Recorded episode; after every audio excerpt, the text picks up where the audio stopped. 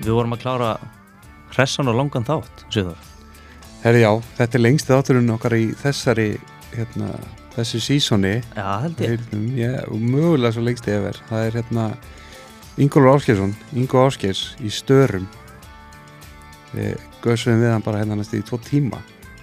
Já, letum að missa að vera setni í eitthvað matabóð og svona. Já, Eins og er, er gerist eins fólk- og, Eins og gerist þegar fólk fyrir að spila um veiði. Það er svona passjóni, sko. hann er ástriðfullu maður fyrir því sem hann að gera og hérna virkilega gaman að spjalla við hann um veiði og hérna já og, og það er nú svona ímislegt ímislegar fréttir sem komum fram í þessum, þessum þætti um, um netamáli í, í Kvíta Olfusá og annað sem að Bara gleði fréttir. gleði fréttir sem betur fer af þeim vikstöðum, loksins en hérna erum við vorum með nýtíakvöld síðustu viku Herri, já, takk fyrir allir sem mættu.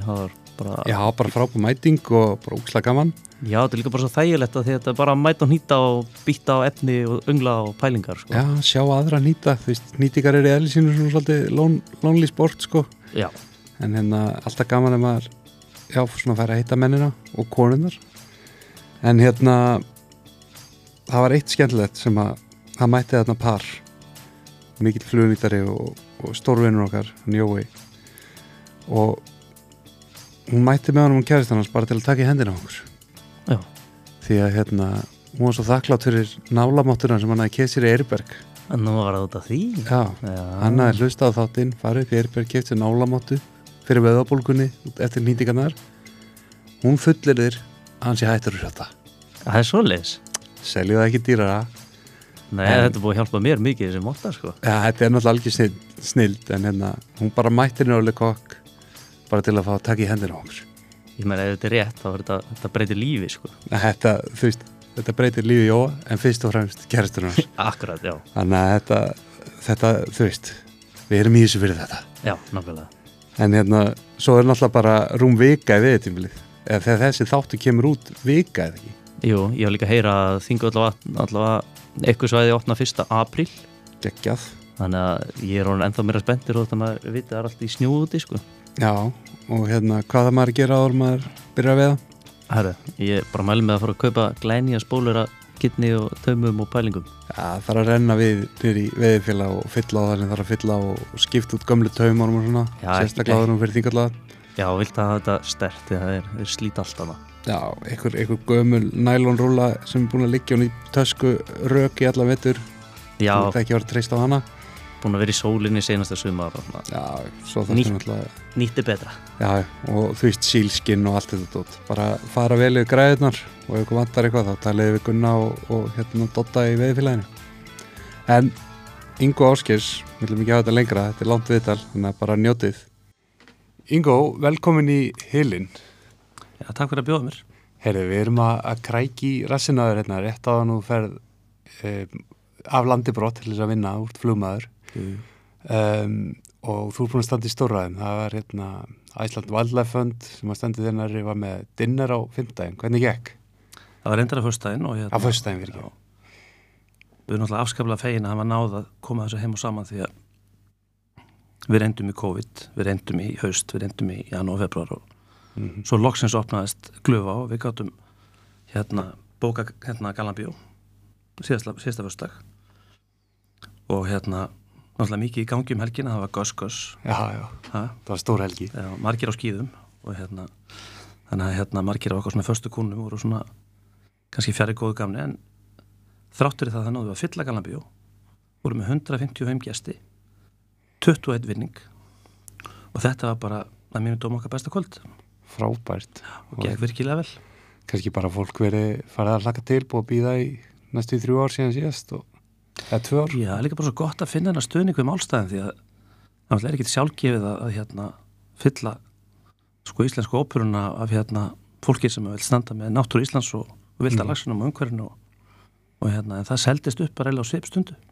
frábært en hérna svona fyrir þá sem að viti ekki alveg hvað Æsland Wildlife Fund er við erum nú komið inn á það hérna í þættinum okkar með Ingu Lind og, og fleirum hvað, hvað, hvað þú eru það að berjast fyrir hvað, um hvað snýst þetta? Sko upphafið að vældafönd þetta byrjan að bræðni, ég var í bíldur hérna bara í lögarnaskverfinu ekkert kvöldið og það er mikið hugsa yfir þessu, var svona að byrja að átta með þessu því að í fyrstu skildi ég bara, ég er ekki hvað þetta þýtti með concessions, þar að segja leiði í fjörðum. Já, fyrir, fyrir fór maður- varseldi þá. svo var maður átt að svo því um hvað þetta snerist að menn voru að helga sér svæði ná sér í leifi og, hérna byrja að kvíja eldi og ég spjallaði mikið við orra á þessum árum. Ára Víkursson blessu sér minning hans og hann var náttúrulega mjög veikur þá sko. En hann barðist öturlega en náttúrulega þá að veikum mætti við, við hérna þetta ofurefli sem að þessir ellendu norsku kvíaðalir eru. Og hérna þá svona fekk ég bara hugmynd akkur, akkur við erum að upplýsa almenningum hvað þetta er. Ég, ég skil þetta ekki sjálfur. Ég, ég fatt ekki hvernig þessa leifisveit ekki að ganga fyrir sig. En það var eitthvað bóið við þetta. Og ég fór að spjallaði við Yngva Óttars og Óttar og þess aðlar sem voru inn í þessu Ari Vendel og fleiri sem voru þá svona leiða baratuna með, með orra. Og hérna við fengum þá hugmynd að hérna að reyna að gera kvikmynd bara þess að upplýsa almenning og bara okkur sjálfum. Bæði hérna já fyrst og næst að reyna að læra sögun í Noregi, í Skotlandi, Írlandi og Chile. Og hér, fyrir bylgjur. Já, og fyrirbyrgjur hérna. Og ég ringi átnála bróðir og sagði átnála, getur, getur við gert bíómynd, heimildamynd? Og þess að bara einhvað, ég, ég hef ekki tími þá hérna. Það var hann að skjóta okkur að mynda út í Pólandi sko.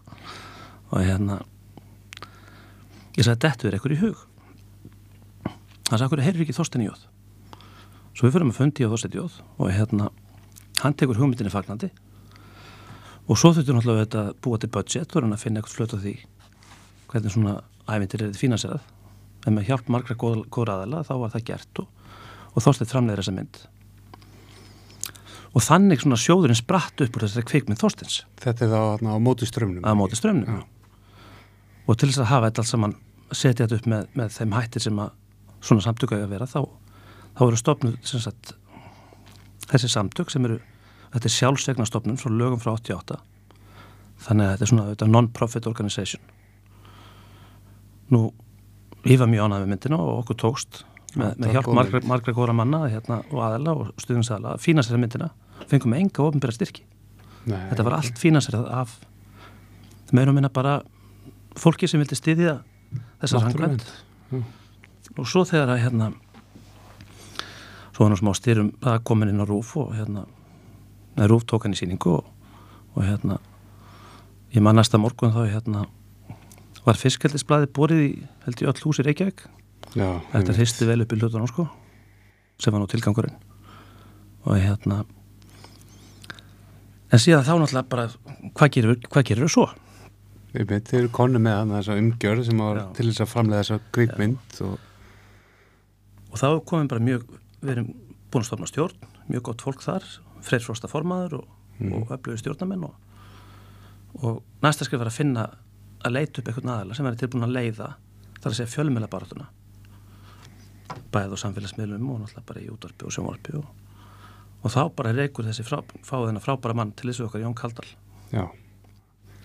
Líka, hann er ekki veðmaður er svona, hann er ekki veðmaður það er, góð, uh, svona, er gott í því líka. Þorsteinn er náttúrulega bara sannu náttúrunandi og, og hérna og þetta var náttúrulega bara mjög ég menn ekki gæfa fyrir okkur að fá hann með okkur í lið og, og hérna við byrjum svona frekar smátt sko ekki til mikil peningur til þess að, reyka svona baráttu. Og hérna og þá kveiknaði hugmyndina því að, að byrja með fjárlunarkvöldin mm og þá spjöldluðu við, við nokkað Jón Mýrdal í messanum og hann var heldur búið til í að styðja þetta og stemmingsmaður stemningsmaður og hérna laðið til messan og svo fórum við í stjórnina að leggja ráðum með það hvernig við ættum að setja þetta upp. Og ég spjallaði vel alla legutaka landsins og það var all- allir tilbúin að leggja til bara veiðilefi og leggja sér til mörgum og Óli Jónsson og fleiri góður lögðu til kjötið í dinnerinn og Mhm. þannig að þetta var bara svona frábært svona grasróta starf og það, það vildu allir koma að þessu og þarna bara svona var til farvegur fyrir eða það mörgu aðla sem vildu leggja eitthvað að mörgum Mhm. en vissi ekki alveg með hvaða hættir þetta að gera þetta Einmitt. þannig að þannig svona verður þetta bara til líka jafnvel bara menn sem eru svona dagstælega eiga heiti í samkeppni þó að það þekkist nú allir í þessum bransa þá geta allir verið sammála um þetta þarna snúa bara bræður bökum saman sko. Einmitt. það er bara þannig Já, þetta maður er svona maður verður oft svolítið þunguð þegar maður fer að, að hérna, hugsa um þessi mál því að er svo segir, þú veist, það er ofurefli, það er mikill lobbyismi og endalista peningum sem er verið að berjast á móti í þessum þetta er bara. Davíð og Góliat í raun og veru sko en það er ágætt að hérna, En svo útskýrum aðeins fyrir þeim sem, að, sem horfa á hana þátt og hérna að, að síðu hún að verði fjölmarkir og ég veit að já, þetta er já, flott í okkur að gera þetta. takk fyrir það Það er hérna, sko síðustu leifi sem voru búin upp í Nóri, það er komin 1,3 miljónir tonna í norska fyrði. mm. Þetta er náttúrulega störla magn. þetta er bara tölur sem að maður er ekkert utanum Nei, hún er ekkert utanum. Þannig að þú veist, það er hvergi pláslengur og síðan faraði til Skotland, svo faraði til Írland, svo faraði til Chile. Og ég veit ekki hvað þið munið muni til bóksing hér hérna An Economic Hitman, en þetta eru Environmental Hitman. já, Þessi menn eru búin að mastera þann leik að koma sér fyrir í löndum með lofórðum störf og blóm í haga og allir fá frýtt í sund og allir fá frýtt í það verður byggt í íþróttahús og ég var nú síðast á seðisfrið það bara, þá lustaði maður á ræðina hjá, hjá Jens Garðar og Kó í, í hérna, fiskaldi austverða og hérna en allavega það voru búðan upp 35.000 tonna í maður rétt, fyrir enn 30.000 í Noregi fyrir bara einhverju mánuðin síðan. Og tonnið fór á þrjára og halva miljón og við leikum okkur að þessum, að þessum tölum að var hérna við tökum bara seyðisfjörð sem dæmi að það eru 35 miljardar fyrir eitt svona fjörð. Og það er bara, það hefur náttúrulega bara skapast gullgrafar æði. Að helga, helga sér þessi svæði. Og svo er þetta bara selt í afnóðum inn í kaupulunni Nóri, kannski ekki fyrir þessa peninga Nei, en þetta hleypur á miljardum eins og við vitum. Einmitt. Já, það er einhverju Íslendingar sem svona sölsætt til sín selja á bönir og svo er einhverju þetta normenn heitir náttúrulega bara að taka, taka snúninga það er bara það sem við erum það er náttúrulega þannig. Ég meina ef við bara horfum á það bleitendli þá er þetta náttúrulega einhver tilfinningapólitík á vestfjörðum til dæmis með störf og, og annað. Og ég get alveg skilið það minna ég skil það mjög vel. Þetta eru þetta brotna byggðir sem hafa gengið hér um ímislegt og svona. En þetta er ekki leiðin í framtíðina fyrir, fyrir þessi byggðarlög því að þetta er svolítið eins og pissi skóan sinn það kemur ju vissulega einhverju uppbyggingi í upphafi. Mm en ef við lítum á við lítum á hérna lásuðu bókunum að Kirsti Steinvik hérna undir yfirborinu hún er alveg Nei, frábær. þú gafst mér hann í sumar. Ég hef eftir að leggjast yfir hana. Já, hún er alveg frábær. Og hún lýsir þessu, hún er mjög upplýsandi. Þannig að þegar eldi byrjar í Noregi þá voru 40.000 hérna tonn og 4.000 störf. Mm nú er 1,3 miljóni tonna og störfin eru 7.000 já, einmitt. Þetta eru automated feeding systems. Við sjáum gannettin koma hingað. Já, hérna slátunarskipið menn þetta verður bara eins og í, í gamla dag í fristihúsunum svo koma bara fristi tógarar þetta er bara nákvæmlega copy-paste. Menn vilja koma þessu onni í þessa fyrði mm. og þessu er pakkað inn í eitthvað svona gjafumbúðir að þetta er nú að leysa vandamál allra. Eitthvað sem er hægt að kúka í hérna, stjórnmálamenn og, og lokalinn já ég meina stjórnmálum en elskar náttúrulega ekkit meira heldur en að geta komið inn í sitt kjörtæmi og lofa störfum og, og blómi í haga og hérna. Og kannski þetta er skemmri tíma kemur ykkur uppbyggingur skulum ekkert vera að kannski gera lítið úr því. En samkvæmt Salmon Business og öllum þessum aðilum sem er að hérna eru bara að rýna í þennan, þennan bransa frá degi til dags. Að þá spá með því að það séu svona 5 til 7 ári það. Að lokuðu kerfin taki við ringrásakerfin, djúpsjávareldi. Þannig að eins og, eins og nonni Kaldal segir oft um mig sko, þetta er svona eins og ætla að vera að stopna kóta eitthvað smiðu já, búið að finna upp sko snjálfsíman þannig að, þetta er náttúrulega ekki alveg Og það sem gerist þá er náttúrulega þessi fiskur úr opnu kvíunum, hann fær ekki þessar vottanir til þess að seljast fyrir hæsta verð og annað og endur á lélri mörkuðum og já líka það sem ég segja bara þessi- fjármarkaðir sem við náttúrulega erum klálega á. Mm, að þeir eru þeir fyrstu til þess að dett út. Já, það er mikil afföll hérna, dýrara og allt, allt það, við erum langt frá mörkuðum eins og þú segir. þannig við lítum að vörumerki í Íslands eins og, Siggi Guðjóns sagði í myndin okkar það myndin hans Þorsteins að hérna, minna og það er ekkit íslenskt þennan lags, þetta er norsku lags hann borðar ellend fóður og er seldur undir merkjum Íslands. Þetta er náttúrulega ekkit annað en bara vörusveik sko. Þetta er það. Menna, við sjáum hvað er að gerast núna eða bara fiskaldi yfir höfuð og bara gera það rétt. Menna, nú er samherja farin með 40 tónn á Suðurland stóðið núna með 40 tónn Það er að Alli Jó. er frábær. Við höfum bara að gera þetta rétt. Og Það við er getum hérna- verið fyrsta landið til þess að gera þetta. Og náttúrulega ástæðan fyrir myndinni var svo menn ef við ekki bara læra mistökum annara menna normin vissum það ekki hvað var að gerast í upphæði það er búið að skrifa þessa sögu, hún liggur bara fyrir En þú veist, ástæðan fyrir að þeir koma hérna lítur náttúrulega að vera svo að leifinur er svo dýr. Það eru afföll hérna og svona ófyrir sem hann leiki í rekstrunga hvort veðri og aðstæðum og svona. mm. En það er svo mikið skortur á regluverki. Þú veist, þeir geta mætt hérna og fengið þetta bara á slik og ekki neitt. við vorum bara tekin í bólunum með þetta Það er eiginlega svolítið bara mál. svolítið. Við vorum bara tekin í bólunum með þetta Þeir eru ekkert hérna að koma hérna út því að þeim langar að bjarga vestfjörðum eða austfjörðum. það sjálfsögð ekki Þetta eru bara fyrirtæki í kaupöll. ég meni þetta, þetta er 98% í eigu normanna og hvað ætli verið svo eftir á Íslandi Það er er engin- nokk, nokkur einstaklingar sem nátt að taka snúning á þessum svo sagðir. ég meina þetta eru bara þessi móðufélög sem að taka allt í sín menna þetta eru náttúrulega bara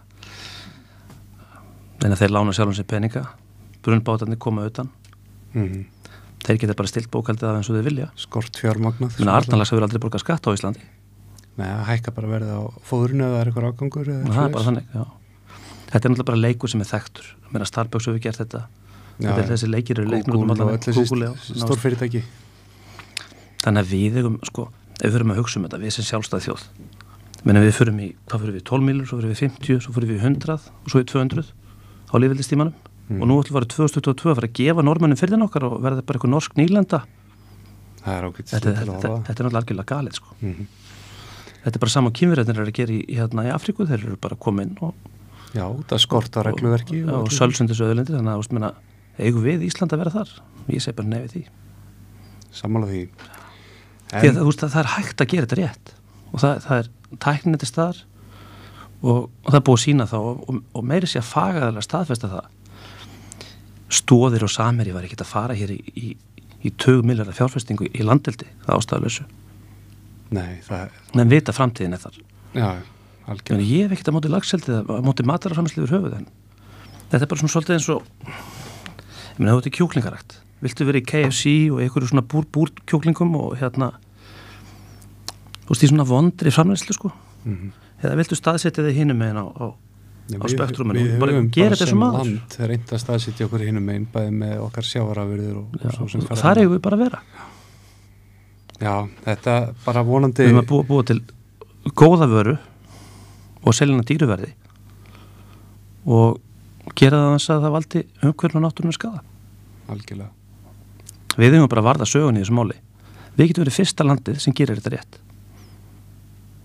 Og við getum líka einmitt svona veist, staðið með lagserum okkar.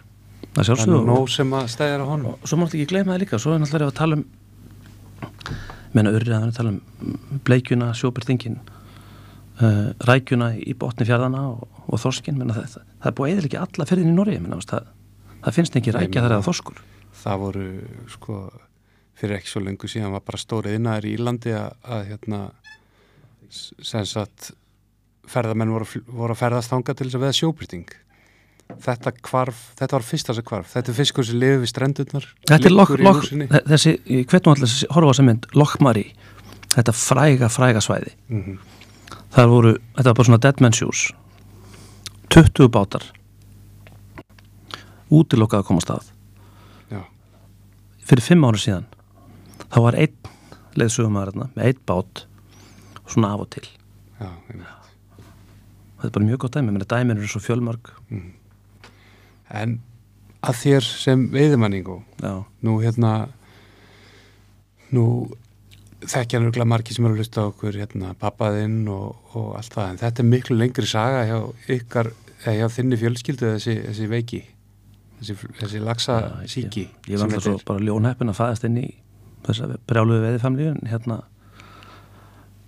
en þetta semst byrjar hjá langaða mín hann var fyrsti veðurinn í allanum hérna Gunnlaugur Pétursson Já, veistu hvernig þetta er í tíma svona sirka? þetta er svona cirka bát 1910-15 Já, og þá er hérna þá er bretið með ánálegu og, og hann ég er náttúrulega að muna hvað hann hét sko.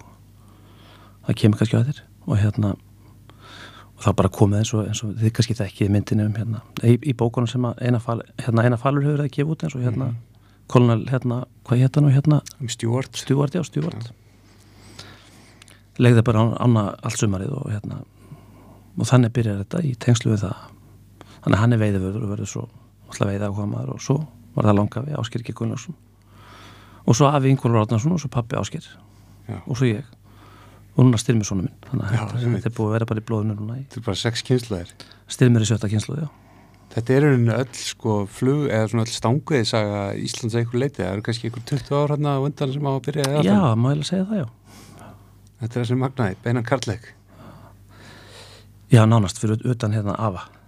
Og hérna en hérna en hérna já, þetta er bara, maður var náttúrulega bara mjög heppin að fæðast inn í þetta og ég, Manst Nei. eitthvað eftir öðruvís en bara með viðstöng eða var þetta bara alltaf sko eiginlega bara bara ekki sko, hérna þetta var náttúrulega aðri tímar og, og, og á þessum árum með pappi fréttamari á sjónvapinu og fyrir þá sem eru jakkanlir og ég sko og, og eldri að þá mun að menna að vera ekkert sjónvap á 50 dugum Já, og gamli var mjög heppin með dráttun upp í stangu hann dró alltaf 50 daga sko. Þannig var alltaf allir gamlu góði upp í stang og ro, sko. ro, rosa heppin þannig að við áttum eitt 50 dag í viku í alliðan Allt það- sumari já það er ekki halvu dagur sko. Nei, dagar það er bara alla 50 dagar allt sumar þannig að hérna og þetta er náttúrulega bara ótrúlega að geta veist að verið þarna minna áum að sneisa fulla lagsi minna. Það voru að ganga hérna 6, 7, 8 árs lagsar Jésús og þarna bara lærði maður að við á flugu og hérna eh, pjakkur og, og hérna síðan hérna er pappi með sko bílsvellið á leigu í sogi. Með tveimur öðrum aðlum og hérna þannig að það voru helgarna voru þar. Og svo fekk maður að koma með, upp, í, upp í norðar og svona á til sko. Já, já. Svona upp á 70 sko. Þannig að þú bara, einmitt bara, Nei, ma, ma, maður er alltaf bara heitlað sko. Ég er alltaf bara ég hef vel ekki töksaðan eitt annað lags í halvu öld sko Nei, þú hefur bara verið fanatískur bara allir tíð. Allan tíð sko. Já, þetta er bara verið það eina sem hefur komist að má að segja sko. Og hérna svo náttúrulega, þú veist, ferður bara strax að gæta þér að koma bílpróf og, og þessi klassíska saga, það var náttúrulega ekki auðvöld að komast í gætir í þá náttúrulega var þetta, þetta voru náttúrulega ekki þetta var ekki eins það var ekki eins margir dagar. Já, svona ekki orðin eins svona established mm svona, við getum kallað þetta business eins og þetta er í dag sko. Nei, þetta var aðeins öðruðs mótil, það var líka verðin þú veist, og allt það ferðalögu er veri og þú veist, það var ekkit óeðlegt á þessum tíma að bara, þú veist, eitthvað sem var neðalega vinnu geti bara splæst á sig einum túr í norður og einum í miðferðar á svona Ég, það var bara þannig, menna, mm -hmm. það allir efna á veiða. Og hérna svona allavega svona eitthvað hlutasumars. Já, gáttu, en þetta var svona gullöld þessari amerísku veiðimanna. Já, ymmit þannig að þeir koma að henga fyrir sko pappi var einmitt með þegar að sko Grímsarúsiði byggt, þá var hann frangatistur í Stangó. Mm og þá koma hann einhver einn Líf Wolf Ernie Sweepert sem teknaði húsið. Já. John Contliffe hjá May Travel sem að var svona kompani eins og Frontier sko sem Mike stopnaði það 69 sko. Þannig að þetta er svona um það, um það leiti sko. Og hérna og þá er Palli Polaris og Palli og hérna Páll G. Jónsson og pappi voru góð vinnir Já, já, og hérna ég, þetta er sem sumarið já 96 og hérna þá býður Páll með vinn upp í kjós. og Nei, alltaf- 86 ekki? 80, 86, Já, 86 einmitt. og hérna var hann alltaf unnið í lottir í lífsins sko, Já, það er náttúrulega aðal kreðsan í kjósinu á sko ég, ég var svo spenntur fyrir fyrsta en ég, ég fór andvaka upp þetta sko. Ég átti ekki bíl. Og hérna mamma átti galan Datsun. Já, ég fekk hann lánaðan. Ég man ég kom upp í kjósi, ég kom mjög tímalega sko. Það fyrsta amerikana hólið held ég bara svona í lokjóni og ég hef aldrei séð ána ok, ekki ideal kannski. ekki alveg ideal og hérna ég kemur veiðús og náttúrulega mjög svona auðvitað óörugum með mig eins og ekki verið að skilja Mm ég hef búin að veiða mikið, ég sem myndi alveg ráða við þetta sko Bara að þú fyndir, fyndir veginn, sko. þá hitti ég mann sem er ennþá mjög góð vinn minn í dag í fyrsta sinn sem er Óli Helgi sem er þá veiði verður og, og Já, hérna, já. það voru við þarna fjórir það var, það var ég og náttúrulega langengstur í 19 ára Kalli Björns Jón Inga Pálsson sem var svona palla og Óli. Og hérna það hafði losnaðan stuðu það var eitthvað sem hafði hætt og var sérst, búin að klára háskólan og farin að vinna eða eitthvað þannig. Mhm. og ég fyrir upp í bugðu með Amerikana og ég man að þetta var ekkert mjög skemmtilegu maður hann var svona, veist hann fatti andla strax saman með sko, með rúki inn í, í, hérna, í húnum sko. Stuttastráið. stuðastraði sko.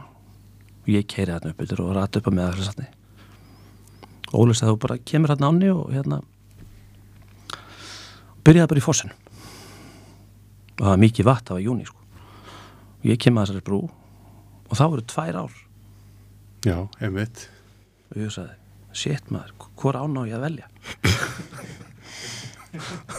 Það er þarna einhver lækur sem að verður nú bara á eða gott vatn. já, Það rennur hann í gegnum eitthvað sumbústað hverju þetta fjall með mér, ég rataði rétt á sko. Æja, ok. En þetta var nú ekkit svona, ekkit glæsilegt svona upp að um að rata, ána og svona veist, en, svo já sko það sumar var ég bara í eitthvað 6 eða 7 vikur. Já, ok, Já, þú bara er skilin eftir þá? Ég hef bara sóttur í ágúst. Já. Já, frábært. En þetta er fyrst árið. Og um þetta leitir að vera breytingar í haffjörðara og hérna eignarhaldið að breytast á haffjörðara og þá kaupir G. Jónsson sérst helmingin í áni Mhm. og hérna þannig næsta ár sérst, e, þá 87 þá förum við allir yfir í, í höfuna og þar er ég að gæta 87 og 88 met árið hans fyrsta árið hans átna í kjósunni. Já, horfir á það bara svona fjarlæg Þannig er náttúrulega haffjara á allt önnur á en við þekkjum í dag. Já og svona 600 lags á. Já, 400-600 Já, lags það ápinum var ekkert, var ekkert sterkar en það. Nei. en auðvitað algjör æfintir að heimur sko. Já, þetta er ótrúlega fallið þarna. og þetta var náttúrulega veitt þetta voru svona aðilar sem kom í viku tíu daga og það var farið úr klukkan tíu þannig að menn tóku eitt tvo lagsa og svo voru bara þessi gestur að hafa það hugulegt og þetta var náttúrulega þetta var svona hægjandlið auðvitað sko. Já, já. og hérna þessu gefur að skilja og hérna og svo 89 sko þá ég þekkti átna ekkert að hann byrjaði með kjósuna. Þá vissi átna að ég hefði verið í kjósuna og hann er ég að kenna flug. Já, alltaf að læra flugið og ég var ekkert mjög góð flugkennari því ég var, ég var aldrei available á sömurinn sko. Nei, alltaf að sem er alltaf eina sísona sem ætti að kenna flug á Íslandi sko. Já, þetta þannig að hérna þannig að Átni, Átni böð mig vinnu upp í kjós og hérna og þar var ég eiginlega bara sleiturust í tíu ár. Já. en alltaf svona meir og meir upp í norður sem hún alltaf tósaði mikið í mig sko. Ég, ég, ég, ég, elskaði, ég elskaði norður sko. Ég Og tengi gera- þér rosa mikið við norður og það er örglega þessi sporðakasta þáttur líka. Nei, sko, þetta var bara þannig, við veitum alltaf norður og ég og pappi saman. Mhm. Og hérna vorum alltaf að veiða sumudagana 9. til 12. júli þannig að hérna, þetta var svona var svona stóri túrin á sumrunu sko og menna, það kostiði alveg penning þá líka sko þetta var alltaf bara prime já. time sko þannig að maður tók kannski júni í norðuráni og svo júli túrin í norðurá og hérna svo fórum við bara gæta þetta á haustin þú veist með átna og Já. tókum eitthvað svona hálsmánaði geði ekki fyrir austan sko Já, það var náttúrulega ekki Hafra, Hafralónsá og eitthvað svona, og eitthvað svona þú veist, Það var ekki þarna að vera í gæta bara fram í miðan september sko. Það voru sér úldíkavíkur Nei, svona einhvern veginn svona, svo kvartnaði það eins upp úr svona þessum amerikana Já, tíma þá sko. Byrjaði svona þess að breytast og svona ást og hérna. Fóru ekki líka þú veist, þessi sjóveiði að koma inn fyrir þá þú veist, Mexiko, Bahamas, Florida og svona. Jú líka ég held bara svona þessi kynslu sem kemur inn með þessum fyrstu Amerikunum upp úr 70 þeir eru bara orðin fullóttin hérna mm og það eins og það var ekki svona proper endin í þessum hópen meira breytum að koma inn og minna auðvitað útlendikar Já, þjóðvira svíslíkar og já, já, allt já, þetta. og alltaf mikið að breytum Átni var alltaf hörku sölumæður og menn á að var þétt bókur alltaf og alltaf Mhm. fullselt og hérna. Og náttúrulega veiðtölunar bara geðvikar á þessum árum alltaf sko. miklu meiri lags enn í dag sko. Já, en Norðurland tósaði mikið í mig og hérna að svo alltaf var maður með hennar draum eins og allir ungi veiðum kannski ekki tengt með norður legutaki einmitt. Já, já, þannig að hérna þannig að hérna ég fekk það hugmynd sem var nú kannski fjall nú ekki til allt og góða jarfi hérna 1900, hvað var það? 6, 90, 96, já 96 sko. Að hérna þá hefðu við hérna ég þekkti Pétur Kaupmann mjög vel hérna og, og hann bjóði hotninu fyrir hann ég, ég ólst upp á skólaristíg og hérna Pétur var með búðinu sínu hotninu mm Þetta er Pétur Pétursson Pétur Péturs, já, með þekkja sem Vastalssoni og Vastarsson, já, já. Og ég er alltaf að spjallaði Pétur og hann keitt að manni lagsi, mann alltaf var alltaf með þú veist, fullt skotta lagsi sko, alltaf eitt verið að sleppa mikið þá sko. Nei, og hérna og ég sagði Pétur hérna hefur ef það er ástöðan með ykkur áhært ekki því hann var að vinna þá með, með hérna frakka sem myndi Gísja Fróa sem var þá mjög stór í Hofsáni mm og Pétur var alveg til í að skoða það og, og svo fæði nú þá flugu í höfuð kannski bara bjóði í norður á.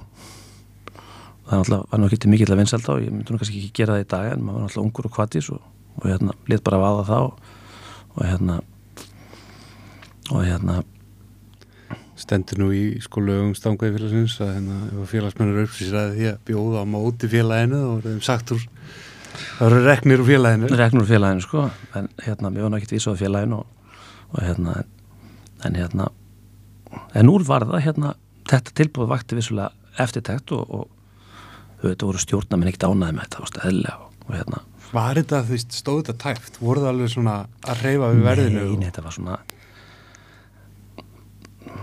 ef ekki að segja að maður var ungur og kvatvís og, og svona og með stóra drauma sko hérna, Já, já, og akkur ekki? Akkur ekki, akkur ekki? þú mátt alveg bjóða.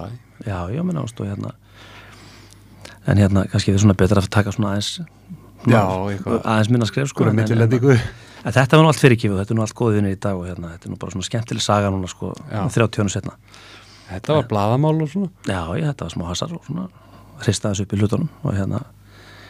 En úr var þá að hérna að Pétur fær síndal frá Magnús og Sveinstu.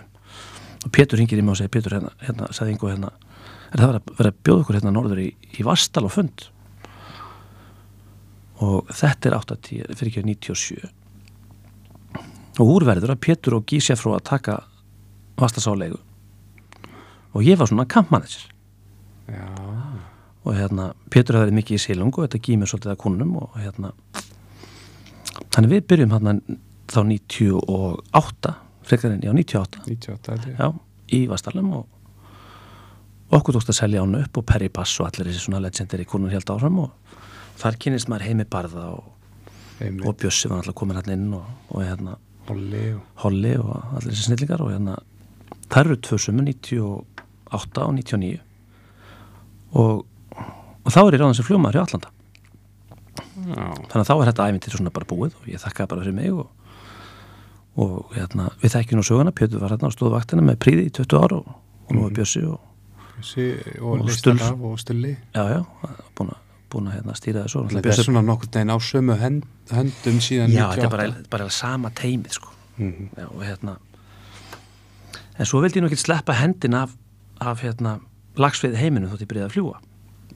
Nei, náttúrulega að- sjúkur, þetta er ekki eitthvað sem þú velur sko ég náttúrulega draumur um að taka álegu var ekkit, var ekkit farin sko Nei, nei. og hérna og þarna var ég með bara góðan vinn sem ég hafði kynst í gernum, gernum Frontiers sem heitir Mark Carnegie sem að veit alltaf tíu dag á ári og ég bara sá um veiðina og ég talaði Pétur og hérna það fyrst með hann í Norðurónaðis og sagði Pétur hérna ég vissi að Bassvikan hefði losnað 27. júli Bass er þessi fræga fjölskylda frá Já, Texas, Texas, ekki? já. sem að flög hérna á einhverjum alltaf og vakti mikla þetta, aðdegli þetta þetta voru bara tycoon sko. Já, voru bara, þetta voru bara þetta, var, þetta er American Royalty, það er bara þannig.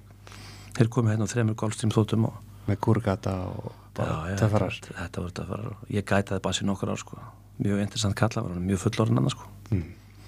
og helviti skaphundur sko og Já. góðu veðmar og, og hérna, það var gaman að fá að kynast honum en allavega svo við snúum söguna kann ekki að þá hérna svo náttúrulega bara bass orðið fullorinn og hættur að koma. Og ég ringi Pétur og sagði hérna er þá í norðrunni með, með, með, með Carnegie? Og hérna ég sagði ég frétta hérna að bassvikan var að losna. Er, er séðans að hann eða Pétur? Og hann sagði nei, ég er nú ekki viss um það en ég sagði hvað við kaupum tvö ár fyrirfram? Á menna það, ég vissi að hann var að stækka húsi þannig ég er náttúrulega bara að gera Pétur gott bóð Já, þannig við brunnum norður, bara úr norðurunni og, og, og, og mark og hérna úrverður að mark festi sér þessari viku. Og þannig voru næstu ár, þá tók, hann- tók hann alltaf sko þessar þessa sjöta hjá Pétri. Og svo vorum við með með ásanni þrjá fjóra daga eða veist, eitthvað aðra á svarta eða eitthvað. Mm og þannig var maður inn í bransanum og hérna auðvitað bara fyrst og fyrst að fljúa en, en gætaði þá þarna þessar tvær vikur og veitir svo.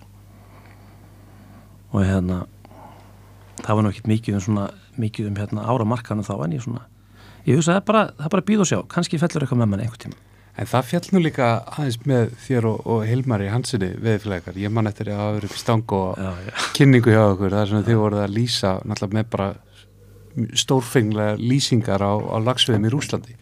Og þetta er akkurat á þessum tíma að það er búið enga veða bankana og það er Já, bara já. bullandi stemming. já, ég partíð var í botni Þið voruð hérna svona orðnir ykkur svona sölufulltrúar hérna frontiers fyrir já. þessi svæði. Þetta lítur að vera um svolítið ævindri. já, að minna, það var bara þú veist veiðilegu náttúrulega bara, þú veist það var allt meira meira selt og allir búin að og svona komið svona kannski æfintir að þrá í fólk þannig að við fengum bara þá hugmynda ég heyrði í Tarkvinn og sagði hérna er séns að fá einhver hól í, í, hérna, í Ponoi eða, eða Jókanga Jú, jú, og hann hafði kannski ekki mikla trú á þessi fyrstu. En svo hérna var þetta bara úr að það, ég held að þeir hefði verið teknar eitthvað þrjár vikur og ég fór nú aldrei í þessa ferði sko en hérna, þetta voru vist mjög skemmtilegar og æfinn til að ríkar ferðið skilst mér sko. Þetta var á tímbili sko var maður bara annarkur kunnur var nýlendur frá Rúslandi sko. Já, saman hvort að kunna veiða eða ekki alls konar basli sko eitthvað fólk sem að þetta er náttúrulega töff svæði sko, fólk vandi að vera bara í eitthvað staður upp í þvera og eitthvað rúnda með gætinum og hérna skildi og svo koma bara alveg morskít og hétti og... en Já. líka er þetta bara komað til Múrmansk og svo bara inn í MU-8 helikopter inn í auðnina sko. Mm, í Mosquito Heaven sko. Það þannig, þannig að hérna, jú, jú.